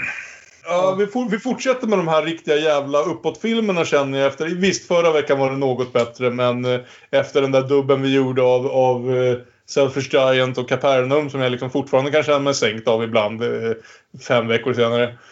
det är ju inte en kul film sådär, men det är ett väldigt intressant hål i just deras filmkunskap att fylla igen. Just för att jag har hört talas om den här filmen i liksom årtionden. Och aldrig riktigt hunnit fram till den. Och det var jättekul att, att den kan göra det. Och eh, för min del ska jag väl säga så här att jag tycker historien den berättar om Wanda som, som liksom kvinna och person i det här landskapet, i den här världen som liksom, som sagt, knappt ens arbetarklass utan strax under arbetarklass i hur de behandlas av världen. Är intressant så är jag nästan än mer fascinerad med just liksom hur den är gjord, hur den ser ut. Hade väldigt mycket innovationer både, liksom både i historien den berättar och i hur den gjordes. Eh, så det var jävligt kul att äntligen se den. Älskar hur den här filmen ser ut. Jag, 16 mm gör det naturligt grynigt men som sagt det är inget som när det är väl restaurerat och välfotat så är det snarare liksom en fördel för mig det får att ge en riktig udd till, till allt det den visar upp. Alltså jag, jag landar i att det är, är ett väldigt intressant kvinnoporträtt som hon gör. Man kan fundera på hur, hur feministiskt det är eller inte men, men hon, det känns som att hon prickar in väldigt bra det här porträttet och, och så, får en att känna med den här kvinnan som, som är väldigt inlåst i vissa väldigt snäva ramar och in, inte har någon möjlighet att riktigt ta sig ur det eller, eller ens vet hur hon ska ändra sig eller sitt, sitt agerande för att Vi vet ta, aldrig ta sig ur det. Alla andra liknande kvinnoporträtt som man har sett senare har en scen där liksom vår huvudroll får säga vad det är hon faktiskt drömmer om. Jag drömmer mig till bla bla. Oavsett om det är liksom Mm. ett stort hem med barn runt omkring mig och eller jag drömmer mig till en öde ö någonstans eller vad det än är. Och vi får aldrig något sånt av Wanda. Nej, och det, och det, det, för det hemska här är ju att hon, hon vet ju inte ens vad, vad, vad finns det ens att drömma om. Alltså det här är ju fan skit. Men, men, men jag vet, jag har liksom inte ens eh, orden eller bilderna för att drömma om någonting annat. Och det Mm. gör ju den här filmen väldigt tragisk. Men det är en väldigt fin skildring också genom det. Och för den verkar bygga upp till det också. För en scen som vi hoppade förbi här är ju att tidigt får hon sin plånbok, eh, eller sina peng sista pengar stulna när hon går på bio. Och väldigt många sådana här liknande berättelser har just den här scenen där liksom en utsatt person går på bio och drömmer sig bort till liksom drömmarna som finns på, på vita duken. Och då ofta kopplat till någon monolog senare om liksom att, att det är något sånt de liksom föreställer sig. Men det är som att det bara ger oss första halvan av det och låter oss eh, liksom eh, plocka ihop resten själv. Och just det är ju intressant att du använder just den bilden för hon går ju på bio i början av filmen. Ja men det är det jag menar, de tänk- får sina pengar stulna. Ja, jo, men vad är det som händer där? Jo, det, A. Filmen är på, på spanska, hon förstår Mm. inte ett ord. B. Hon somnar direkt. Och C. Hon får sina pengar stulna. Ja. Va, varenda väg framåt är liksom, hon vet inte ens att det finns vägar framåt. Nej. Nej, fy fan. Bra skit. Ja, men då hoppar vi ju sådär 45 år framåt i tiden från Wanda och neråt höll jag på att säga. Söder några breddgrader. Och kommer till Brasilien. Där Anna Mullert, som jag har valt att uttala det ikväll, eh, 2015 gjorde Den andra mamman. Vilket inte är en direktöversättning av originaltiteln utan originaltiteln är väl ungefär Vilken tid kommer hon vara här eller något liknande. Vilket är lite Ja. mer Vilken tid kommer hon tillbaka hem tror jag ungefär. Ja, precis. Vilken tid kommer hon hem igen? Nå någonting sånt som direktöversättning. Vilket var kanske, jag vet inte om det är en bättre eller sämre titel, men i alla fall en lite mindre direkt titel. Så det kanske var ett klokt drag. Jag vet inte. Jag kommer minnas den andra mamman tror jag som titel lite lättare än, än om den hade hetat det. Med risk för att man blandar ihop den med Coraline. Precis. Det här var inte heller någonting jag var, den, till skillnad från Wanda som jag som sagt har gått omkring och hört talas om i 20 år eller någonting. Eh, så var det här en film jag helt och hållet hade missat tills jag i stort sett klickade runt på draken för att försöka hitta intressanta filmer vi kunde se för det här eh, ämnet. Och snubblade över den här och insåg att det verkar ha varit en ganska väl ansedd film när den släpptes då för, för drygt sex år sedan. Eh, så jag hade helt och hållet missat den här. Hade någon av er mm, någon tidigare bekantskap med antingen filmen i sig eller regissören då, Anna Mullert, som jag ändå har gjort, jag tror fem långfilmer. Jag kände inte till den här alls innan faktiskt. Eh, nej, det hade inte jag heller. Jag har i och för sig glömt att kolla upp vad hon har gjort eh, mer. Om det kan vara något annat jag har sett. Ja, alltså, ska väl ärligt säga att jag har inte sett, alltså jag har sett en handfull brasilianska filmer men det är inte som att jag är liksom superbekant med nutida brasilianska regissörer eller något annat så att jag hade stenkoll på det. Och jag får känslan av liksom en snabbare Wikipedia-läsning och sådär att det här ändå är hennes mest uppmärksammade film hittills. Alltså mm. Nej, så jag, nej jag, jag, kan inte säga att det här är något jag var så bekant med. Och då har ju ändå Anna Moilaert, eller hur det nu ska uttalas, vi ska inte ens försöka, herregud. Eh, brasiliansk portugisiska, som sagt. Vi ber om ursäkt till eventuella lyssnare som talar portugisiska. Vi kommer att göra så många fel. Eh, hon har ju hållit på rätt länge ändå. Hon eh, gjorde sin första eh, kortfilm redan som 15-åring och gjorde ett antal kortfilmer innan hon då långfilmsdebuterade 2002 med en film som heter Durval Discos. Tydligen handlar om en skivbutik. Men då ska sägas att då är ändå den andra mamman är egentligen hennes första långfilmsprojekt. För hon började jobba på den här i mitten av 90-talet. Vi ska säga att hon är född eh, 64 så hon var ju inte en ung människa när hon började jobba på den direkt. Eller ja, 30 är rätt ungt. Hon insåg liksom att när hon började skissa upp den här filmen som hon då började på när hon födde sitt första barn. Att hon hade inte riktigt erfarenheten som den här idén krävde. Utan hon behövde liksom låta den här mogna. Så den här filmen har alltså så att säga legat och mognat i henne i 20 år innan hon gör den. Det tycker jag är rätt fascinerande ändå. Ja men absolut. För jag, jag tror ja. det lite intressant. Det lilla han läser om den är väl att hon någonstans känner att den talar till, till liksom upplevelsen hon själv har haft där hon då eh, om jag förstår det rätt ser sig själv närmast eh, kopplad till liksom mamma-karaktären. Inte den andra mamman utan liksom eh, frun i huset-karaktären i det här. Att hon hade eh, hemhjälp som fick hjälpa till och liksom ta hand om hennes barn och så vidare. Och att hon började få en insikt i det konstiga liksom, klassförhållandena i allt det här. Eh, vi kommer snart komma in på vad filmen lite närmare handlar om.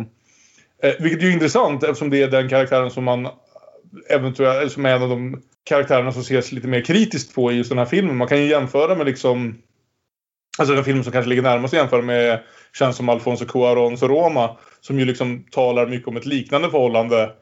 Där Cuaron själv är en av liksom de ba barnen i filmen så att säga och talar om hans uppväxt ifrån det perspektivet. Mm. Jo. Eh, och, hon har berättat det också i intervjuer att just i och med att den här hade så väldigt lång inkubationstid eller vad man säger om filmer. Mm. Så var ju tvungen att skriva om den flera gånger därför att samhällsutvecklingen i Brasilien sprang om vad som filmen borde handla om. Ja, I takt med, Brasilien hade ju ändå en kvinnlig president i åtta år på 00-talet. Liksom. Det, mm. det hände saker i Brasilien under den här tiden. Inte minst för eh, kvinnor och arbetande kvinnor. Även om hon framförallt hon har haft lättare att göra sina mindre filmer. Men när hon gjorde den här filmen som då blev en jättesuccé. Då plötsligt blev hon utsatt för liksom hela. Men lilla gumman, inte ska väl du tro att du får åka till Cannes? Mm, ja. okay.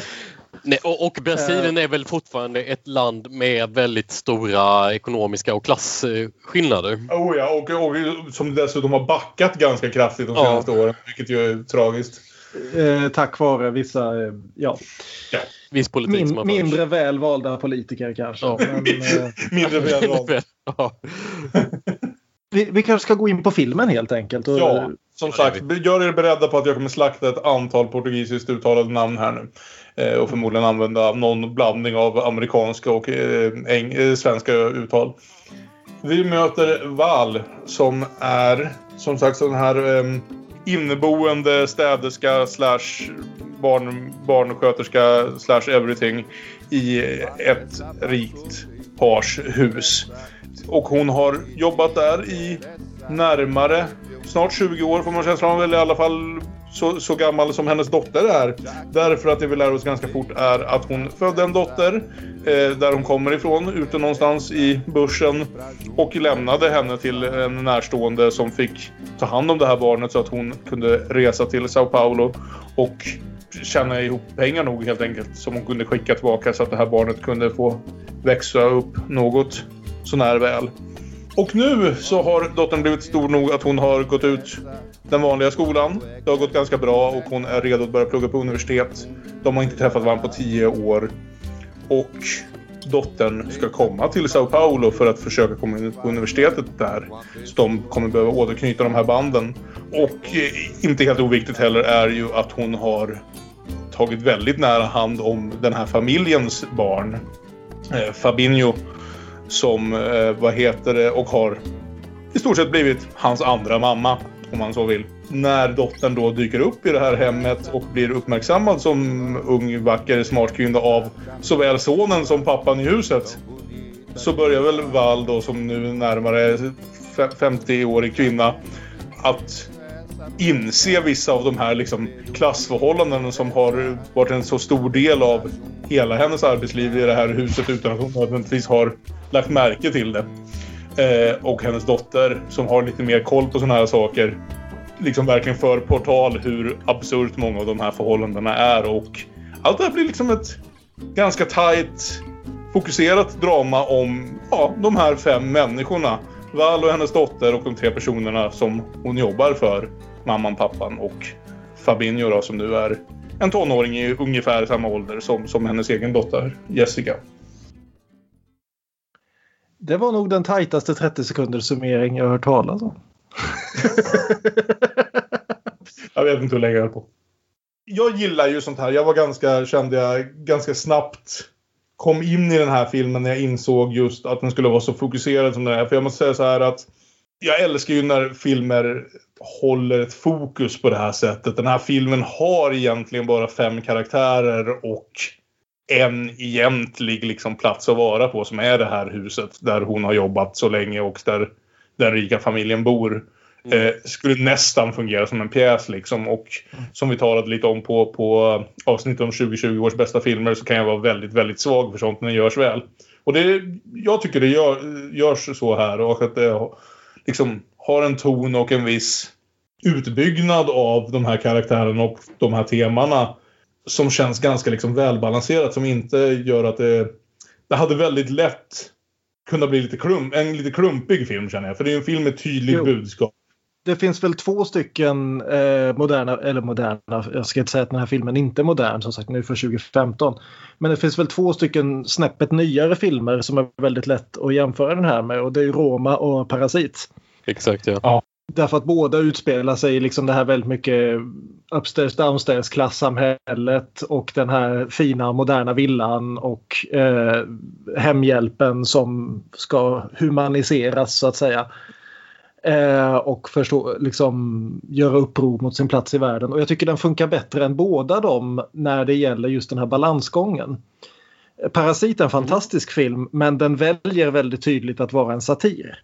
Absolut. Eh, det gör aldrig den andra mamman. Roma går åt andra hållet och väljer väldigt tydligt att vara liksom en... Den skadas lite grann tycker jag i alla fall av den här enorma liksom värmen och det, det här viljan att tro att allting är bra ändå. Ja, nostalgin i det liksom. Jag vet, inte om jag, hänger med, jag vet inte om jag hänger med riktigt nu, men hur, hur tänker jag, du då? Jo, men alltså, där Björn kommer ifrån, och jag kan väl hålla med om det även om jag älskar Roma, är ju att Roma inte kritiserar det här maktförhållandet i en tillräcklig grad. Att det ja, är en aspekt, ja, jag tänker så. Ja, så, en aspekt av ja, berättelsen mm. som, alltså den li, har lite liksom rosa tintade glasögon på ja. det här förhållandet mellan hemhjälpen och, och familjen. Ja, Roma är den fullt oironiska versionen av det här när eh, mamman i familjen i början säger att ja men Val du är ju precis som en i familjen. Mm. Ja och, och klart att i, mm. i den andra mamman det är ju inte så att den enbart skildrar Val, Val väl ska vi kanske inte säga, vall. Ja. så den, den skildrar inte henne som enbart eh, förtryckt eller, eller, en, eller att hon enbart nej. har, har, nej, nej. har lidit hela, hela den här tiden Absolut om, om att hon har sina familjer. Det är väldigt viktigt att det är det, det, är ju vikt, ja, det tycker jag är ja. viktigt. Men, men, men, men det är klart att den, den duckar ju inte för att det är ett extremt maktförhållande. Det, det försöker den ju inte gulla med och eh, det, det kanske är en skillnad då. Ja. Jag tycker det finns i Roma med men det är inte huvudpoängen på, på alls samma sätt. Därför att Roma är berättad ur pojkens i huset synvinkel. Ja. naturligtvis. Det är ju hans egen berättelse liksom. Mm. Eh, med, medan den här är berättad ur Walls synvinkel. Och Precis. då blir det en helt annan historia. Så jag, jag ska inte racka ner på Roma, det är en väldigt bra film även om jag tycker Mm. den här är aningen bättre. Men eh, den, den väljer vilka frågor den tar upp, det gör ju alla filmer. Och jag tycker, Ja, den, här precis. filmen, jag tycker den här filmen blir en väldigt bra, komplement. Absolut. Definitivt. Det är tre filmer som talar väldigt nära till varandra och som nu ingen av oss kan välja de andra som dubbelbull för nu har vi diskuterat dem för utförligt här. Hur det nu börjar. Som sagt, det börjar med den här första scenen där, som kanske kan vara lite lätt förvirrande om man inte hänger med på att det sker ett tidshopp. Där vi ser Val och den unge Fabinho kring poolen och hon tar hand om den här pojken är uppenbarligen väldigt liksom, kärleksfylld mot honom. Samtidigt som hon försöker ringa hem och få tala med sin faktiska dotter som nu inte längre vill prata med henne. Utan som har vuxit upp till den graden att hon förstår att hon har vissa anledningar att vara sur på sin mamma för att hon inte har varit där utan har lämnat bort henne till vilka det nu är, släktingar antar jag. Ja.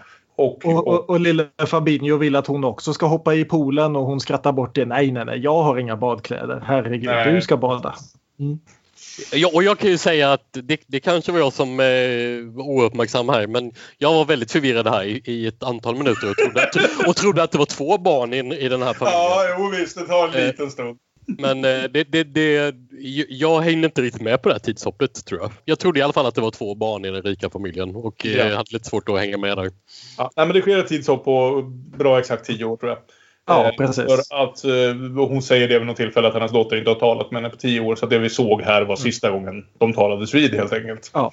Tio år senare och vi får först bara en känsla för Walls vardag. Väldigt Chandilman i hur vi ser henne gå omkring och också ser, och det här är ju det viktiga i balansen i det här att det är ju inte som att den här familjen behandlar henne som skit på något sätt. Det är inte som att hon liksom lider varje minut av varje dag i Nej. hennes vardag som, som hon upplever det.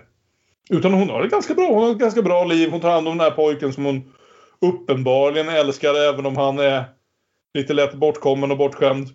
Hon navigerar vad som verkar vara ett ganska tveksamt äktenskap väldigt väl.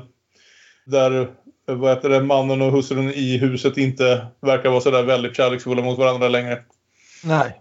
Det är som sagt det är de här fyra människorna och så lite andra tjänare. De har fyra anställda som jobbar där men inte bor i huset ska sägas. Och, Ja, men Så- hur det nu är så, så ring, ringer ju dottern då en vacker dag. Mm. Helt plötsligt. Och hon måste liksom först fråga flera gånger vem hon är därför att hon har inte pratat med henne på tio år. Eller kanske har pratat med henne men hon har inte träffat henne på tio år. Så är det. Ja men nu ska dottern komma till Sao Paulo och plugga. Och ja men självklart får du bo hos mig säger hon. Ja men det, det är ju inget att snacka om. Och så får vi den här enormt cringiga scenen där hon då ska be mamman i huset om får min dotter komma hit och sova över några nätter tills hon hittar en egen lägenhet. Och det hon gör för att liksom ställa sig in lite grann hos mamman i huset som precis blir intervjuad av tv-crew som ska prata om hennes nya livsstilsstil typ.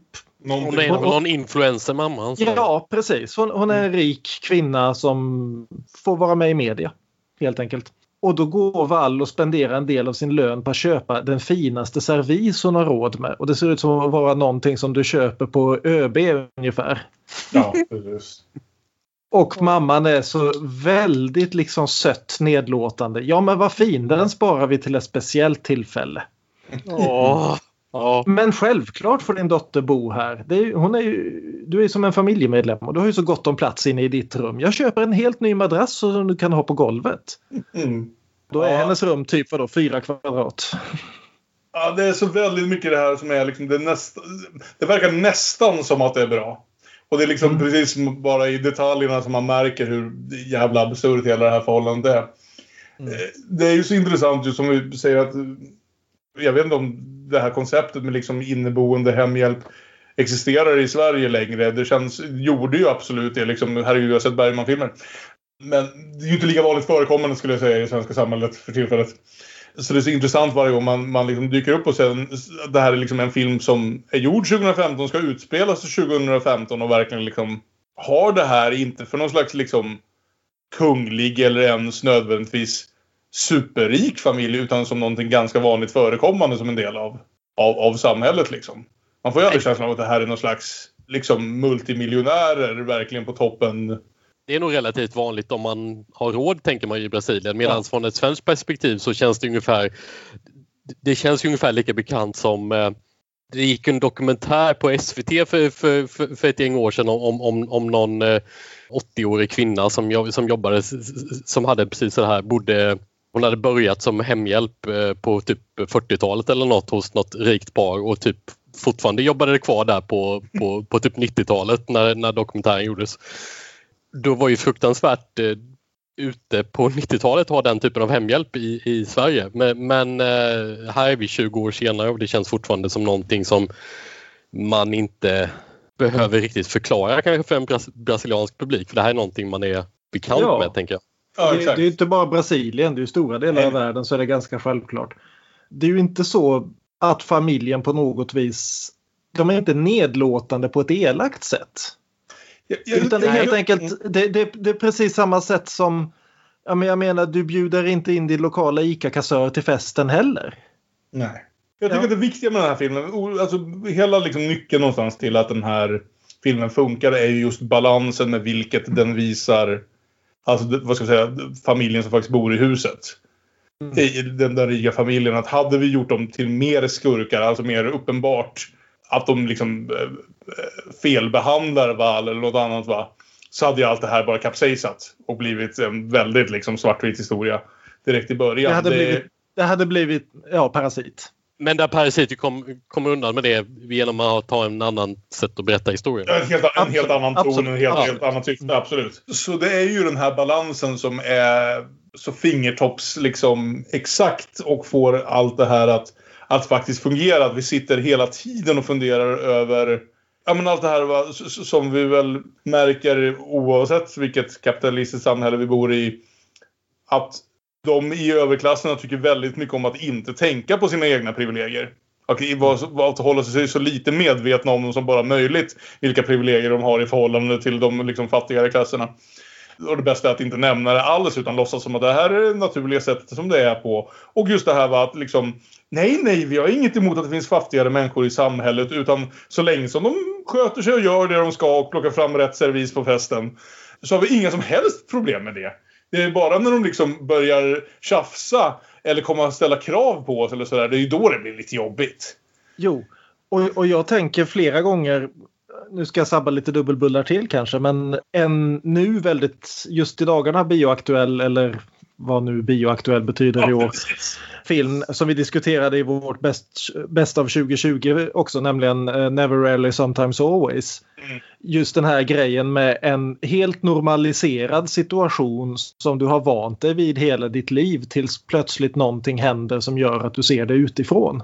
Och det är ju det som är liksom den grundläggande konflikten i den här filmen. För nu dyker ju då dottern Jessica upp på flygplatsen.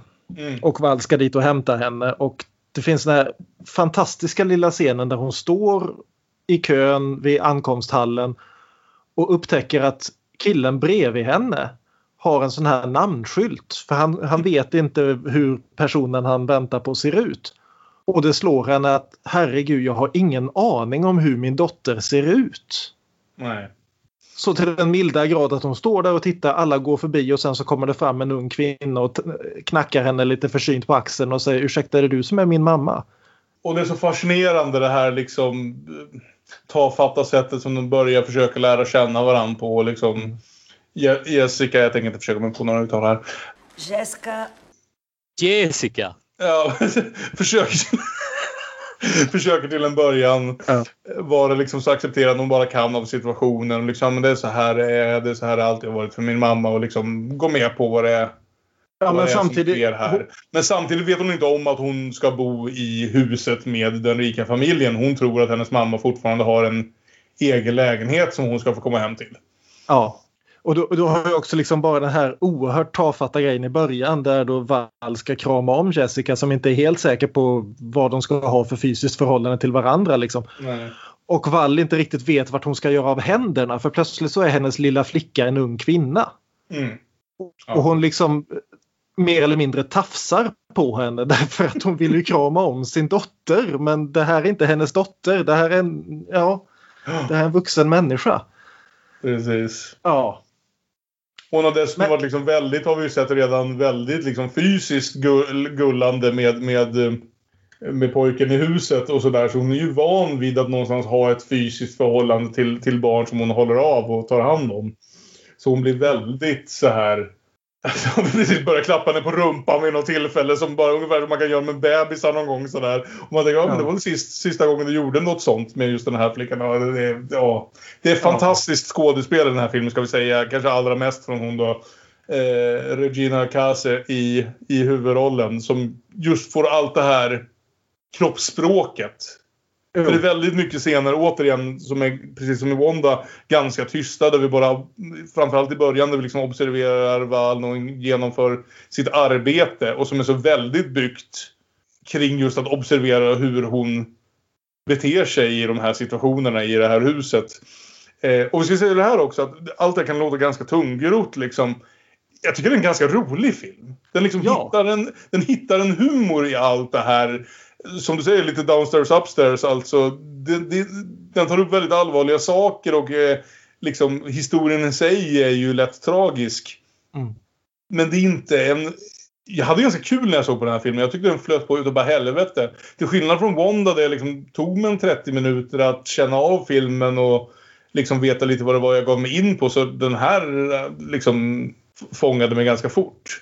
Till stor del spelet mellan de här tre huvudskådespelarna då. Eh, Regina Kase som spelar Val, Camilla Mardila som spelar Jessica och Karina Telles som spelar Barbara, alltså mamman i familjen. De tre studsar mot varandra från början till slutet av filmen och det Mm. är så fantastiskt liksom hur man ställer upp de här tre väldigt olika karaktärerna. Regina Kase är ju en väldigt välrenommerad och berömd skådis i Brasilien. I någon intervju jag läste med Anna Moilet så eh, jämför hon henne med att hon skulle vara den brasilianska motsvarigheten till Oprah Winfrey. Ah, okej. Så, så hon är stor. Och att hon, att hon då skulle gå med på att spela en sån här roll var tydligen ett riktigt kap. Okej. Och så, så att hon nästan skämdes över att hon var tvungen att stäng, stänga in liksom den här stora skådisen i små icke luftkonditionerade rum för att hon skulle kunna spela den här rollen. Men hur som helst så gör ju då Jessica jättesuccé bland den manliga delen av hushållet när de väl kommer dit. Men hon, hon Både- är ung och söt och smart och går att prata med. Och som sagt, hon och pojken i huset är ju precis i stort sett i samma ålder. Och vi har Ja. redan kommit fram att han är ganska tafatt och osäker annars vad det gäller det andra könet och eh, liksom har lite problem med de grejerna. Så när helt plötsligt mer eller mindre flyttar in en ung vacker tjej i precis hans ålder här så kommer hon såklart få lite, lite uppmärksamhet. Eh, lite mindre önskvärt, eller vad man nu ska säga, eller min passande, är väl att även pappan i huset helt klart Ja. direkt fattar lite tycke för henne och tycker hon är väldigt intressant och rolig att prata med och sådär. Och det är väl någon slags spänningsmoment i, under en bit av filmen här. Precis hur äcklig den här pappan kommer bli. Ja. Men, och det men- är han men- ju inte till att börja med kanske äcklig utan, ut- utan till att börja med är det väl, han blir det absolut.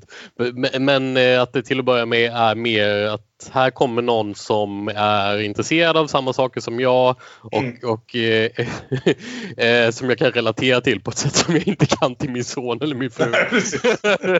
Nej men som vill prata om det här arkitektur och historia och konst och sånt där som jag är intresserad av. Och att det, det, det är den kopplingen, intellektuella kopplingen de har.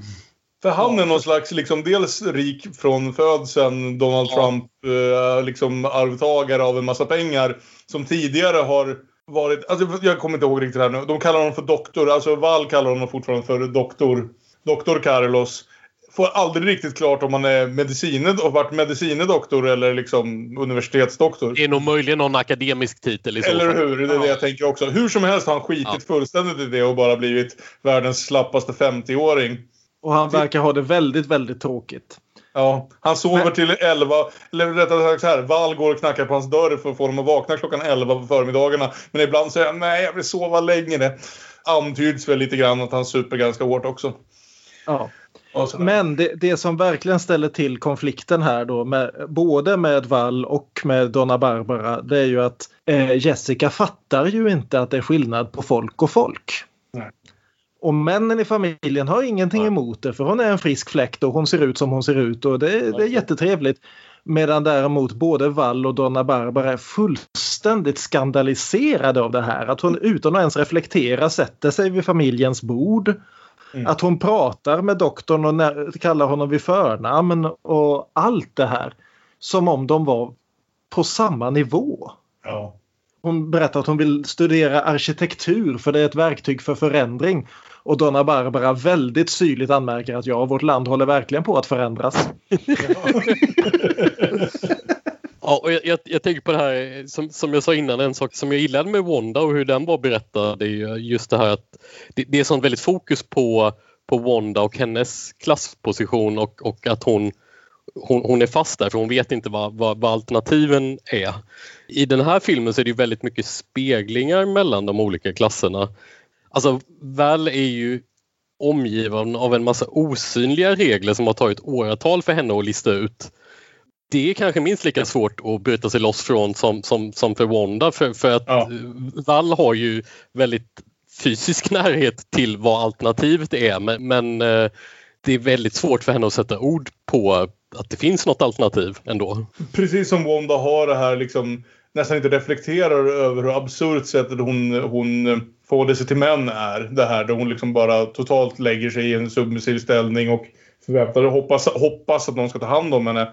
Så har Wall inte riktigt reflekterat över hur absurt det här förhållandet hon har till den här familjen är. Där hon liksom är den som, som i stort sett har tagit hand om och liksom uppfostrat deras son. Men ändå totalt lever under alla de här reglerna. Utan hon har väl liksom invaggats lite i den här mm. eh, verkligheten att hon skulle vara eh, i stort sett en del av familjen såklart. Men med väldigt bestämda regler för vad som funkar och vad som inte funkar. Eh, och har inte haft några egentligen större problem med det här tills så som det ju kan vara liksom, genom den politiska historien. Någon påpekat äh, Ja, det, det, det är Frankrike på 1700-talet. Ser ni att det här är lite uppfuckat kanske? Ska vi dra fram några giljotiner? Ja, men hon är ju också den som går hårdast åt Jessica och skäller ut henne mest. För naturligtvis Donna Barbara kan ju inte nedlåta sig till att uppfostra. Hon kan ju inte ens uppfostra sin egen unge, herregud, det är det hon har tjänstefolk till. Så eh, det är liksom, hon nöjer sig med att göra sarkastiska kommentarer som hon vet att Wall hör väldigt, väldigt väl. Mm. Så det blir Valls uppgift att liksom ryta åt Jessica gång på gång att när de ger oss något så är det för att de utgår från att vi kommer att tacka nej. De är bara artiga, de är inte dina vänner. Och det är ju intressant för du, du har ju liksom av de här tre så har du Donna Barbara som är öppet fientlig på ett sätt som bara en rik överklassdam kan vara. Det vill säga hon är inte öppet fientlig alls. Dr. Carlos som väl mer och mer blir väldigt tydlig med varför han är intresserad av den här unga 18-åriga tjejen som plötsligt har flyttat in i hans hus. Det, det, är liksom bara en sån här sak som att när hon råkar få syn på gästhus, gästrummet ja. så föreslår hon direkt att ja men kan inte jag sova här då? Och han ja men självklart du flyttar in i gästrummet. Och både Donna Barbara och Val blir helt förtvivlade över att men inte kan hon bo i gästrummet. Ja, Nej, men... Och vid det här laget har filmen varit så duktig på att liksom ge oss Valls perspektiv. Att man nästan reagerar liksom Men herregud vad hon liksom klampar in här och tar för ja. sig och känner ju knappt ens de här människorna. Ja. Men, men, men, men så också det här intressanta med Fabinho då. Vi snackar om det här med rikas privilegium och alltihopa. Men här har vi liksom två stycken mer eller mindre generation Z som inte ser att det är liksom Jessica har blivit uppfostrad med idén att alla är lika och det är med den attityden hon kommer till storstan. Medan Fabinho aldrig ens har fått lära sig att folk är olika.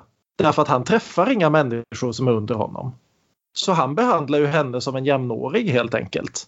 Och in, inte nödvändigtvis på ett oproblematiskt sätt men det är liksom han, tanken att han skulle ha ett privilegium har inte ens slagit honom för sådana människor Nej. träffar inte han utöver Wall.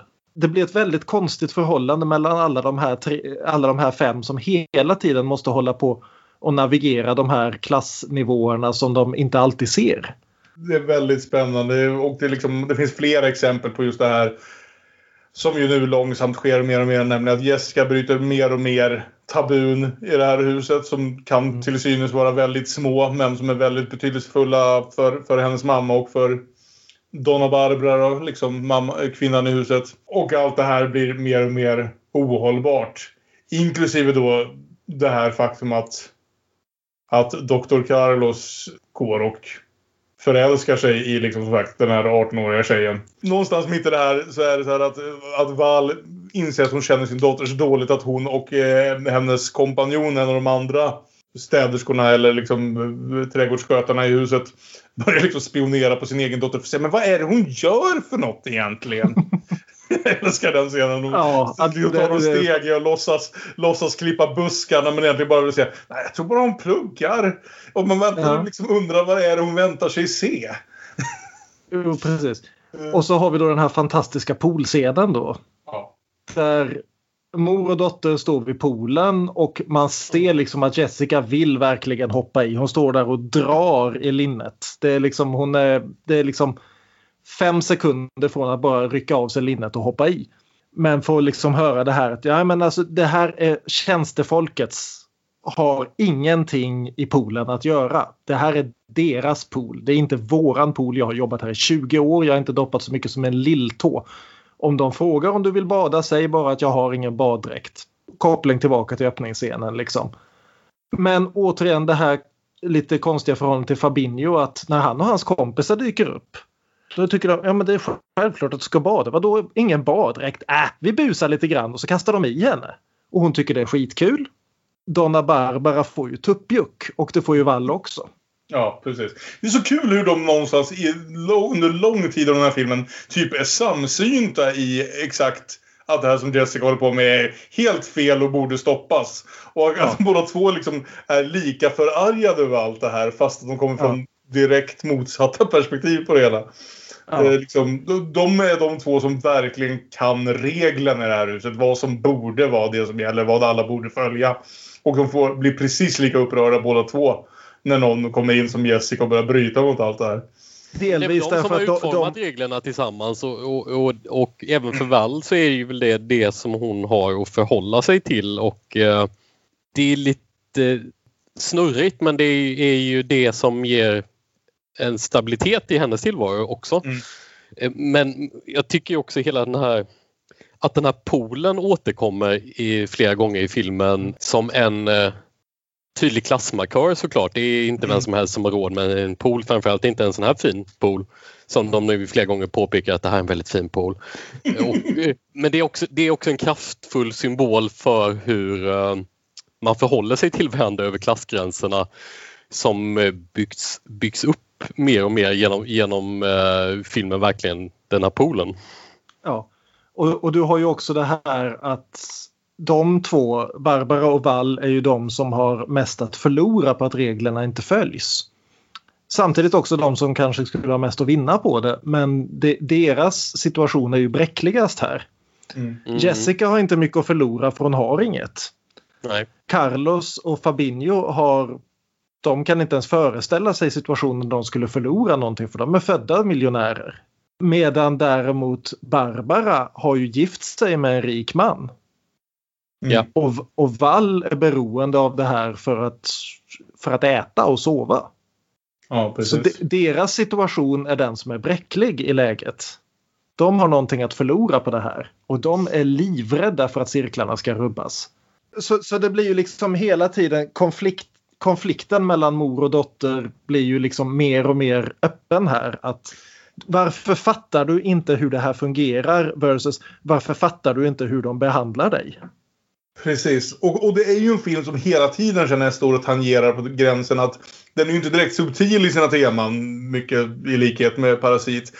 Så den står alltid och liksom nästan riskerar att bli lite klumpig i hur den hanterar alla de här temana. Lite för svartvitt, lite för sådär. Men jag tycker ändå någonstans att den lyckas hålla balansen ganska väl. Att visst, det är inte en subtil film någonstans. Det är ingen som missar, kommer ifrån den här filmen och liksom missar vad den handlar om. Men jag tycker ändå någonstans att den håller, håller balansen precis rätt. Där jag inte börjar störa mig på liksom the subtext quickly becoming text. Och jag tror det är för att den är den kryddar med humor på ett, på ett väldigt smart sätt ofta. Att, att Ja. den faktiskt är en rolig film. Ja, det ligger nog något i det. Jo. Du, du har ju till exempel den här enormt pinsamma scenen. Eh, Överhuvudtaget så är det, fin- det är väldigt mycket cringe-humor i den här filmen. Ja, det finns en del. Det finns. Så, som är väldigt välavvägd. Det blir aldrig sådär så att nej det här blir för mycket men det, det är sådär som man sitter och framför tvn en del. För om man då Eh, så jämför du har- med, med Roma som vi har pratat om lite del, den var väl inte alls rolig på det här sättet? Nej, exakt. Så, och du hade ju ingen scen i Roma där då Dr. Carlos kommer in och friar till Jessica. och, och, och hon vet inte riktigt hur hon ska ta det här. Och han liksom fortsätter driva på det här och liksom går ner på knä till och med och ah, hela biten. Och så till slut när han inser att det här går inte så bara ahahaha. Det, det här var ju ett skämt. Det, vi, det, för, det visste vi ju bägge två, eller hur? Ja, he, he, he, ja. ja. ja, och just det, och hon känner sig tvungen, tvungen att spela med i det. Eh, Så- Eller scenen där hon och Fabinho sitter och röker gräs vid poolen därför att eh, Barbara tömmer ju pool, ser till att tömma poolen direkt efter den här incidenten därför att om arbetarklassens barn ska bada ska ingen bada. Nej. Hon skyller på att det har varit en råtta i poolen. Hon och Fabinho sitter och röker gräs vid poolkanten och han är väldigt förälskad och försöker fråga ut henne. Är, är du oskuld? Och hon mer eller mindre men lille gubben. det slutar i alla fall med att allt det här att eh, Jessica får order att nu fan i mig så håller du dig i mammas rum, punkt slut. Mm. Det blir, det blir storgräl mellan mor och dotter och Jessica ger sig rakt ut i, ja, kallas det monsun i Sydamerika? Ja, tro, tropisk regnstorm i alla fall. Och Val Ja, blir ensam kvar med hennes böcker, letar igenom dem och hittar vad då? Jo, ett foto på en liten bebis. Mm. Och, och börjar väl lägga ihop två och två här. Det finns också något... Ja, Hon har ju nämnt det också att hon var tvungen att komma till Sao Paulo därför att ja, hon, hon ska plugga och hur är det med pappa? Ja, pappa pratar inte med mig längre. Och, ja. Det finns någon scen här också som jag bara tyckte var kul. Där man märker att liksom de här gränserna för Val också börjar luckras upp lite grann. Hon visst, hon har varit väldigt upptagen under stora delar av den här filmen. För jag märker nu när man sammanfattar händ- händelserna så lämnas ju Val ganska mycket vid sidan om under långa stunder. Utan hon står liksom och observerar all den här förändringen och chockeras över den. Men börjar också liksom plocka upp att vissa av de här grejerna hennes dotter säger kanske inte är helt hon kanske inte har helt fel i allt det här. Och det finns någon scen här direkt efter att eh, vad heter Jessica har blivit mer eller mindre utkastad. Som vanligt dyker upp och ska göra frukost men typ ser ut som en bakfull roadie. Hon kommer in med solglasögon och, Ja, det, det, och inte verkar ha riktigt samma liksom, driv i att, att vara en bra hushållerska som hon har varit tidigare. Det är sant, men an- annars har vi ju den här urgulliga scenen med, med den starka motståndshandlingen att gå ner och dansa i poolen. Ja. Eh, där, där, och liksom verkligen medvetet, nu gör jag något förbjudet och fan vad härligt det är ja. att, att göra Och något det- förbjudet.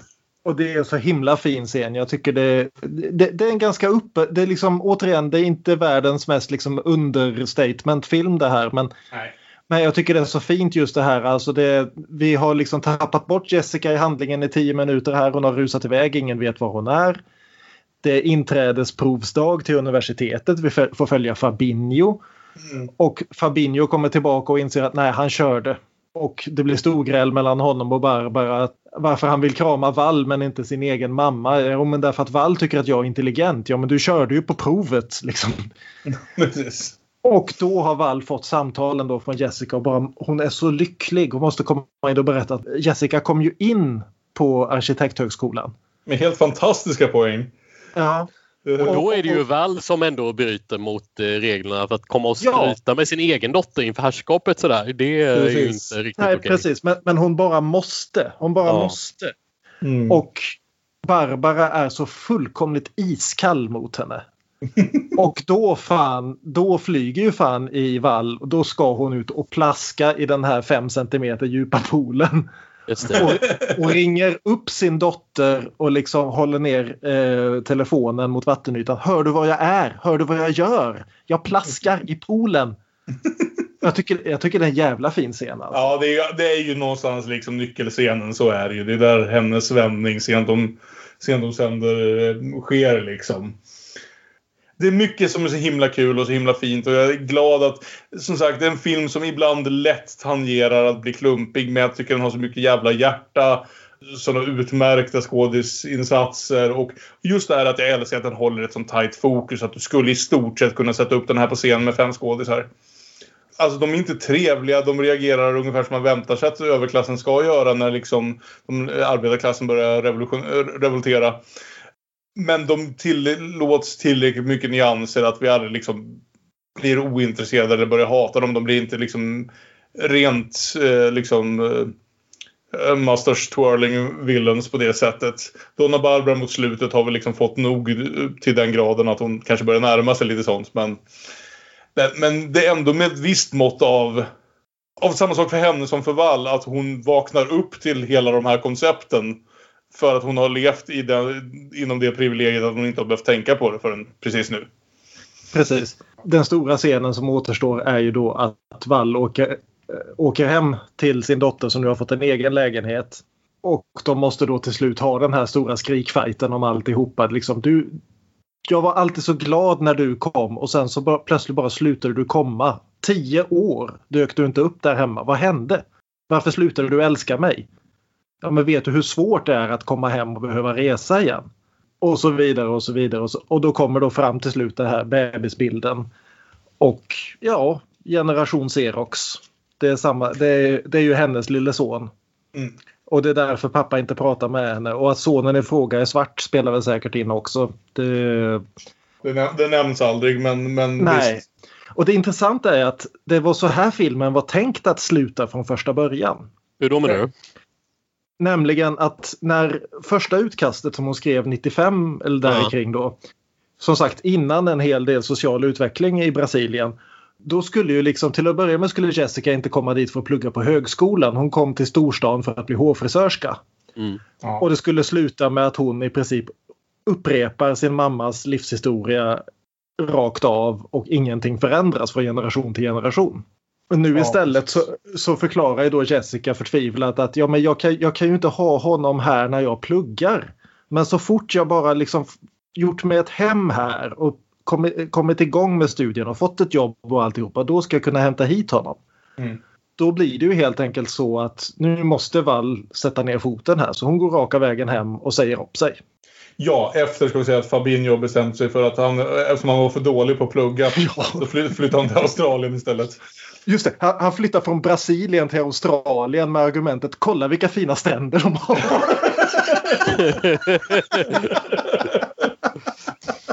och, och, vi har väl ändå ganska ofta ja. fått känslan av att visst, Val var inte medvetet missnöjd här innan Jessica påpekade för henne.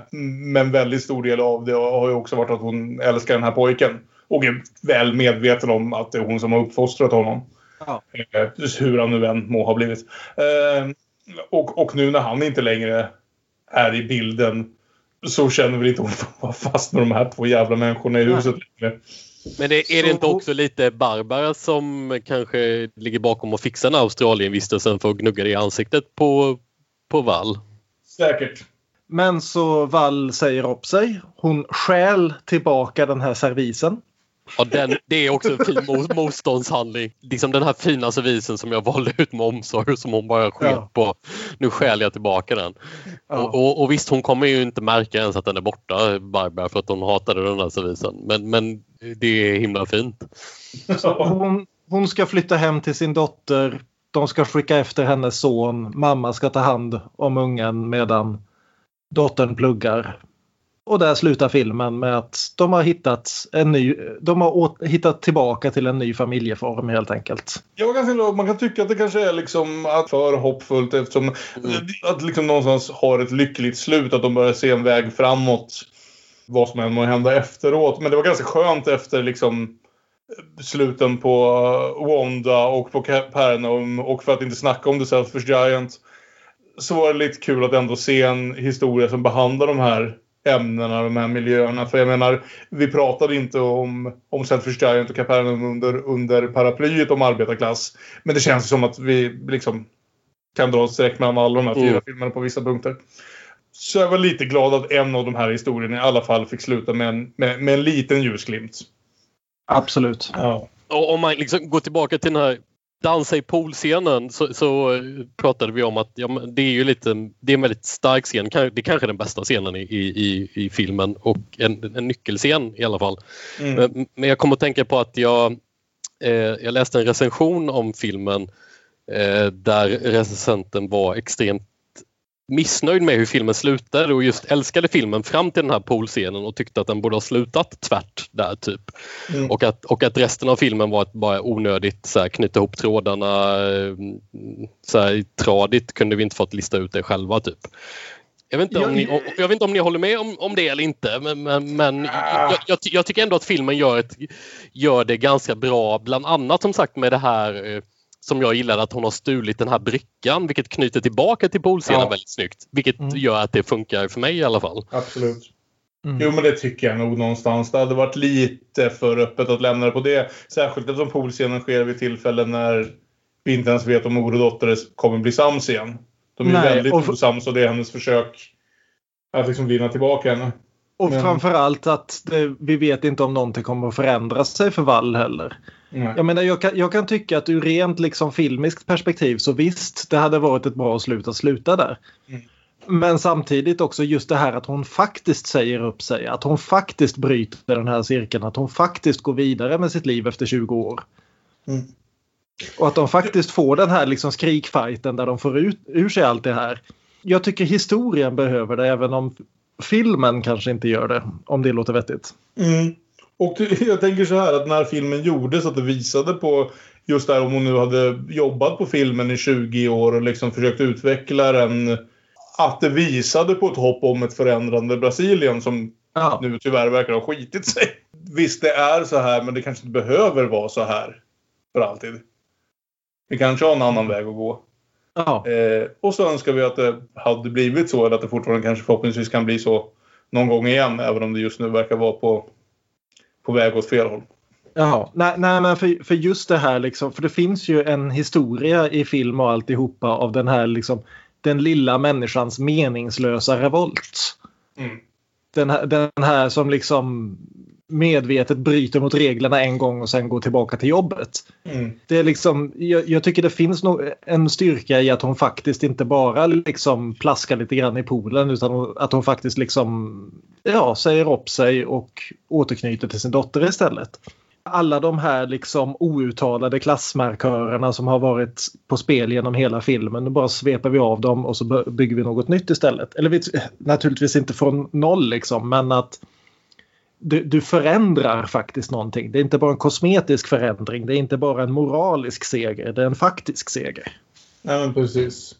Och det är ju något intressant att uh, Mullert kommer till den här filmen och att hennes perspektiv i stort sett är liksom från Donna Barbaras synvinkel. Kanske inte riktigt med, med jag vet inte om, om, om hon skriver Nej, Donna Barbara som hon, hon, har, hon har ju sagt det att hon kände sig ganska illa till mods över det här att alla bara sa mm. åt henne att ja men det är bara att skaffa en barnflicka, vad är problemet?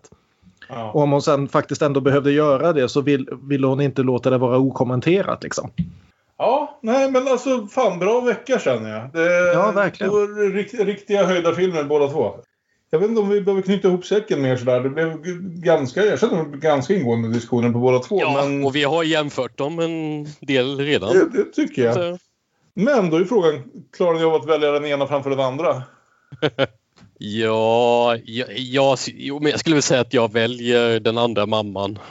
Hon får ju mer hela paketet där med, med med humorn och, och, och eh, klassanalysen och, och eh, jag, jag, jag, tyckte väldigt mycket om eh, hur, hur, den var berättad med kombinationen av så här väldigt roliga, väldigt pinsamma scener och, och jag, jag, tyckte den fick till det väldigt bra.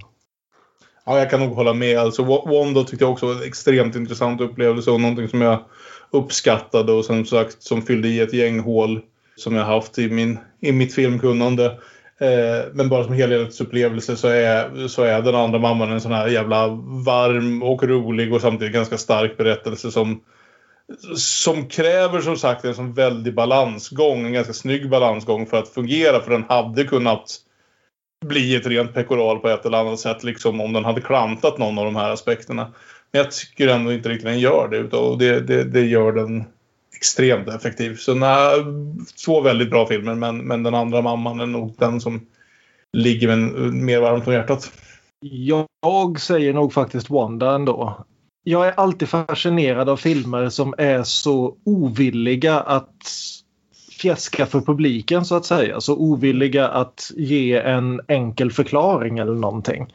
Mm. Wanda liksom ställer upp sig som lika delar långfinger och frågetecken och sen liksom bara lämnar över. Här, jag har gjort den här filmen. Boom! Gör, vad, gör med den vad ni vill. Jag säger mm. inget.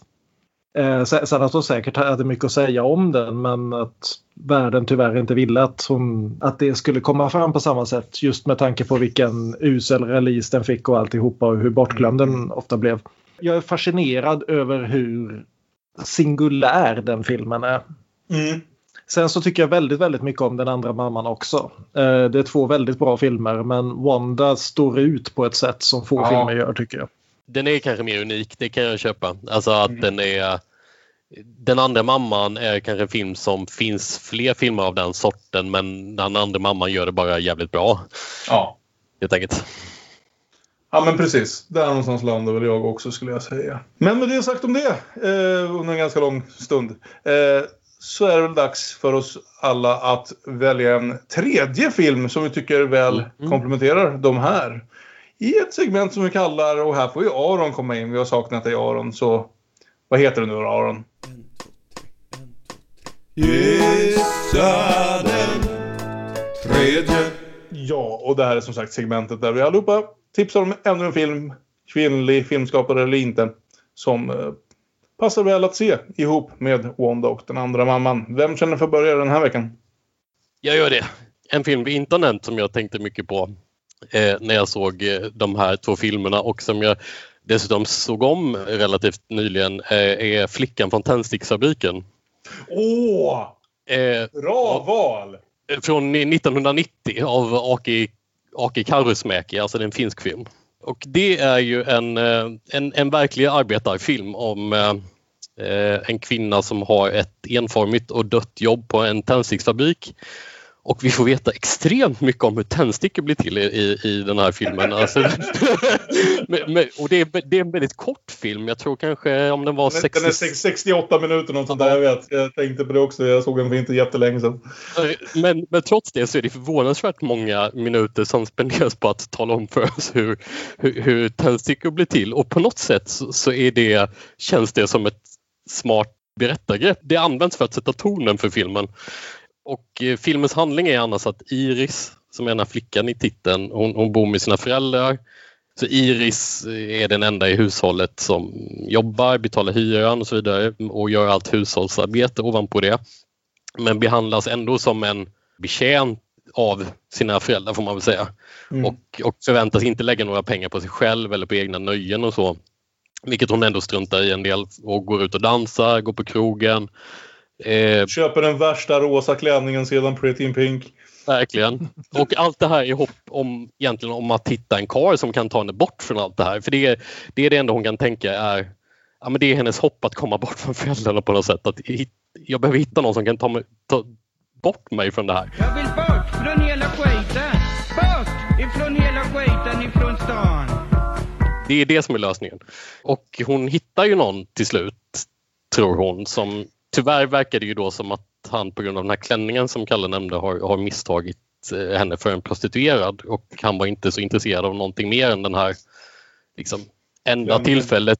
Men hon, hon har redan fäst sig li, likt Wanda på den här personen så att han har inte så mycket att säga till om. Eh, och hon blir dessutom gravid från det här kärleksmötet eh, och både dejten och föräldrarna reagerar med både avsmak och avståndstagande på det här. Och helt självklart så bestämmer sig Iris såklart för att hämnas på alla som har gjort henne illa.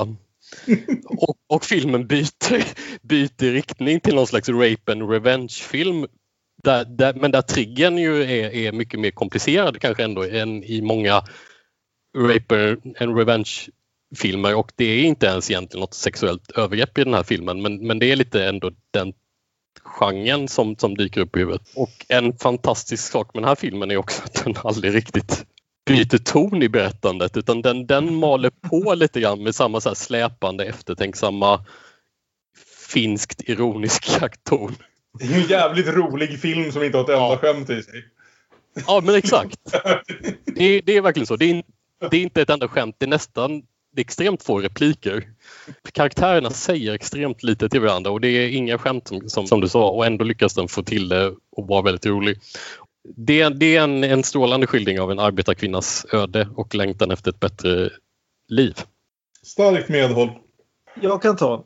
Jag tycker att Sommaren med Monica skulle vara intressant att se i samband med de här om det vore en mer lyckad arbetarklassskildring. Mm. Eh, om det hade varit mer Fågelström än Bergman i den. Nu vet jag inte om den riktigt håller för det. Attityden, ja. Innehållet, mjaj. Men jag tänkte ändå att om vi ska ta en, en genrefilm istället för att fortsätta ösa på realismen här så tar vi och går över mot det övernaturliga lite grann. Och tar upp en annan film från förra året som inte blev så uppmärksammad som den kanske förtjänade. Och det är då Jairo Bustamantes La Llorona. Ej att förväxla med eh, amerikanska skräckfilmen The Curse of La Llorona som kom 2019 och som är ytterligare någon del av, att den hänger ihop på något med The Conjuring i alla fall. Men det här är något helt annat. Det här är alltså en film som utspelar sig i Guatemala. I efterdyningarna av diktaturer och så vidare så har ju många sydamerikanska och centralamerikanska länder fått haft så lite så sanningskommissioner. Vad hände egentligen med de där 150 000 maya-indianerna som aldrig kom tillbaka? Som regeringen satte i läger och sen så såg aldrig någon dem igen. Vad hände egentligen där? Och utspelar sig till stor del då inne i villan som tillhör en av generalerna som står åtalad i den här sanningskommissionen. Med hans då väldigt välutbildade och väl situerade familj som behöver börja dela med det här att vänta nu, alltså farfar är alltså folkmördare. Mm. Samtidigt som det då delvis berättas ur tjänstefolkets perspektiv också. I takt med att den här gamle mannen kanske börjar bli senil och kanske faktiskt är utsatt för någonting av någon av det här tjänstefolket som kanske har en finger med i spelet. Eller har något att hämnas för.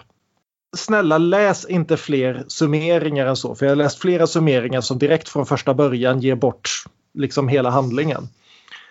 Men det är en väldigt effektiv, lite grann samma som den andra eh, mamman här, liksom att det är ett kammarspel. Det utspelar sig väldigt mycket inne i det här huset med liksom tjänstefolket och de rika som börjar drivas i konflikt med varandra både inom grupperna och mellan grupperna. Och jag tyckte det var en så väldigt intressant film att se och jag tycker det vore intressant att se den både utifrån det här liksom att inte kunna göra något åt sin situation och att kunna göra valet att göra någonting åt sin situation. Mm. Så ja, La Llorona eh, borde finnas och få tag på på streamingtjänster och så vidare nu för nu är den väl två år gammal någonting men jag tror den släpptes väl utomlands förra året så ni kanske får vänta. Men den är bra i alla fall. Ja. Toppen. Då avslutar jag väl så här med att säga att vi har ungefär tio avsnitt kvar nu av den här serien, den här säsongen om kvinnliga filmskapare. Jag tror inte vi kommer hinna fram till Lucrecia Martel från Argentina som annars är en väldigt framstående kvinnlig filmskapare. Så jag tänkte passa på att tipsa om hennes La Cienaga, eh, eller Träsket om man så vill. Som utspelar sig i en miljö väldigt snarlik kan man tycka den som vi ser i Den andra mamman. Det är en lyxvilla med en pool. Men som snarare som Wanda tar lite mer avstånd från människorna den berättar om och låter oss liksom fylla i väldigt mycket av the blanks själv. I stort sett kan man säga så här. Det är en lyxvilla med vuxna, tjänstefolk och en massa ungar som både tillhör tjänstefolken och de vuxna. Men allting berättar ur barnen, barnens perspektiv. För de rika vuxna eh, ligger ute vid poolen och super och verkar inte ha särskilt kul utan verkar snarare vara fast i någon slags limbo som går ut på att supa sig asfull på rosé vid poolen. Kanske orka hoppa i poolen men den ser ganska äcklig ut i jämförelse med den i den andra mamman. Under tiden så i stort sett har ungarna skapat sitt, sitt eget liv inuti det här huset som ser ut att ha varit väldigt lyxigt men mer och mer förfaller. Och det är en ganska surrealistisk film som samtidigt inte hoppar någonsin liksom hoppar med båda fötterna in i surrealismen. Utan ibland får jag Alltså kanske att känslan närmast är till det som Buñuel höll på med på 70-talet men inte alls med samma humoristiska känsla utan det här är ganska ganska mörkt någonstans men också ett jävligt intressant klassperspektiv på, på liksom vad som händer när den äldre generationen helt förgås åt liksom hedonism och eh, liksom ger upp på allting. Och vad fan händer med barnen då, då? Skulle man väl kunna säga som liksom den större bilden. Men det berättas i det här konstiga lyxhuset som förfaller. Och kanske för att dra kopplingar till en annan film vi har tittat på. Lite den här känslan av vissa av scenerna i Nattlek. Där allting också hänföll till total hedonism när eh, den äldre generationen inte längre brydde sig varken om sig själva eller om, om de som kom efter dem. Och den hinner både få in liksom ett visst klassperspektiv, den får in mycket surrealism som sagt och eh, en film som definitivt kräver att man sitter och tänker och fyller i vissa luckor själv. Men framförallt är den en enorm jävla stilövning för det är en sån här film, eh, lite precis som Wanda där jag kan säga att det finns den är något av ett unikum. Det finns ingen annan film som känns riktigt som den. Och jag hade hoppats kanske att vi skulle hinna fram till Lucrezia Martel, inte nödvändigtvis den filmen, men någon av hennes filmer i den här serien. Men som det ser ut just nu kanske vi inte gör det. Och i sådana fall vill jag ändå att ni ska ha fått tipset om La Ciénaga som är den enda av hennes filmer som jag har sett, ska jag säga. Mm. Kul tips! Yes! Eh, det blir musik den här veckan också. Och eh, kanske ett lite mer mainstream musiktips eh, än eh, filmerna vi har tittat på. Som är, samtidigt som vi håller oss hårt vid arbetarklassen. Ja, vi får ju helt enkelt... Eh, universum kräver ju som det ser ut just nu med världen och alltihopa att man måste hylla Dolly Parton. Så vi kör väl 9 to 5 helt enkelt. Det blir jättebra Nästa gång ska vi titta på två ganska nya, ganska uppmärksammade dokumentärer om hur jävligt det är att vara tonårsidol. Vi ska se på den ganska väl uppmärksammade dokumentären Framing Britney Spears av Samantha Stark. Som fortfarande går att se på TV4 Play tror jag. Eh, om inte annat så går den på, om ni har tillgång till någon av Seymours tjänster så ligger den där. Och vi ska då dubbla upp den med This is Paris om Paris Hilton. En inte lika uppmärksammad men likaväl en ganska intressant dokumentär. Om en av de allra första av de här människorna som blev känd bara för att vara känd till synes. Och eh, ja, som sagt, två ikoner får man väl säga som, som, som vi alla var bekanta med på det tidiga 2000-talet. Eh, och då hoppas vi att Aron är tillbaka för att snacka om det också. Eh, This is Paris ska jag säga finns på Youtube och den finns inte på Youtube därför att någon har lagt upp den på Youtube utan det är en Youtube-produktion, det är en Youtube-film. Tack för att ni ville vara med och lyssna på oss den här veckan. Vi finns på de sociala medierna. Vi är Damonpodden på Twitter och på Instagram. Vi är Damonpodden med Ä på Facebook och om man så vill kan man mejla oss på damonpodden gmail.com. Tack så mycket för att ni ville lyssna. Ha det bra så länge. Hej då! Hej då! Hej då!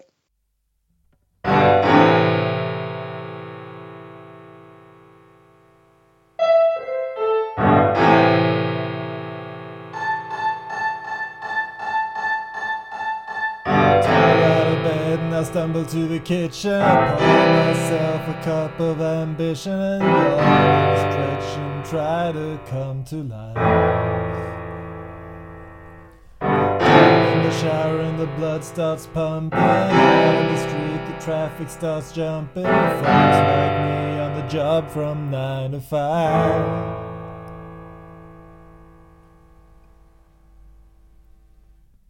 Nine to five, what a way to make a living,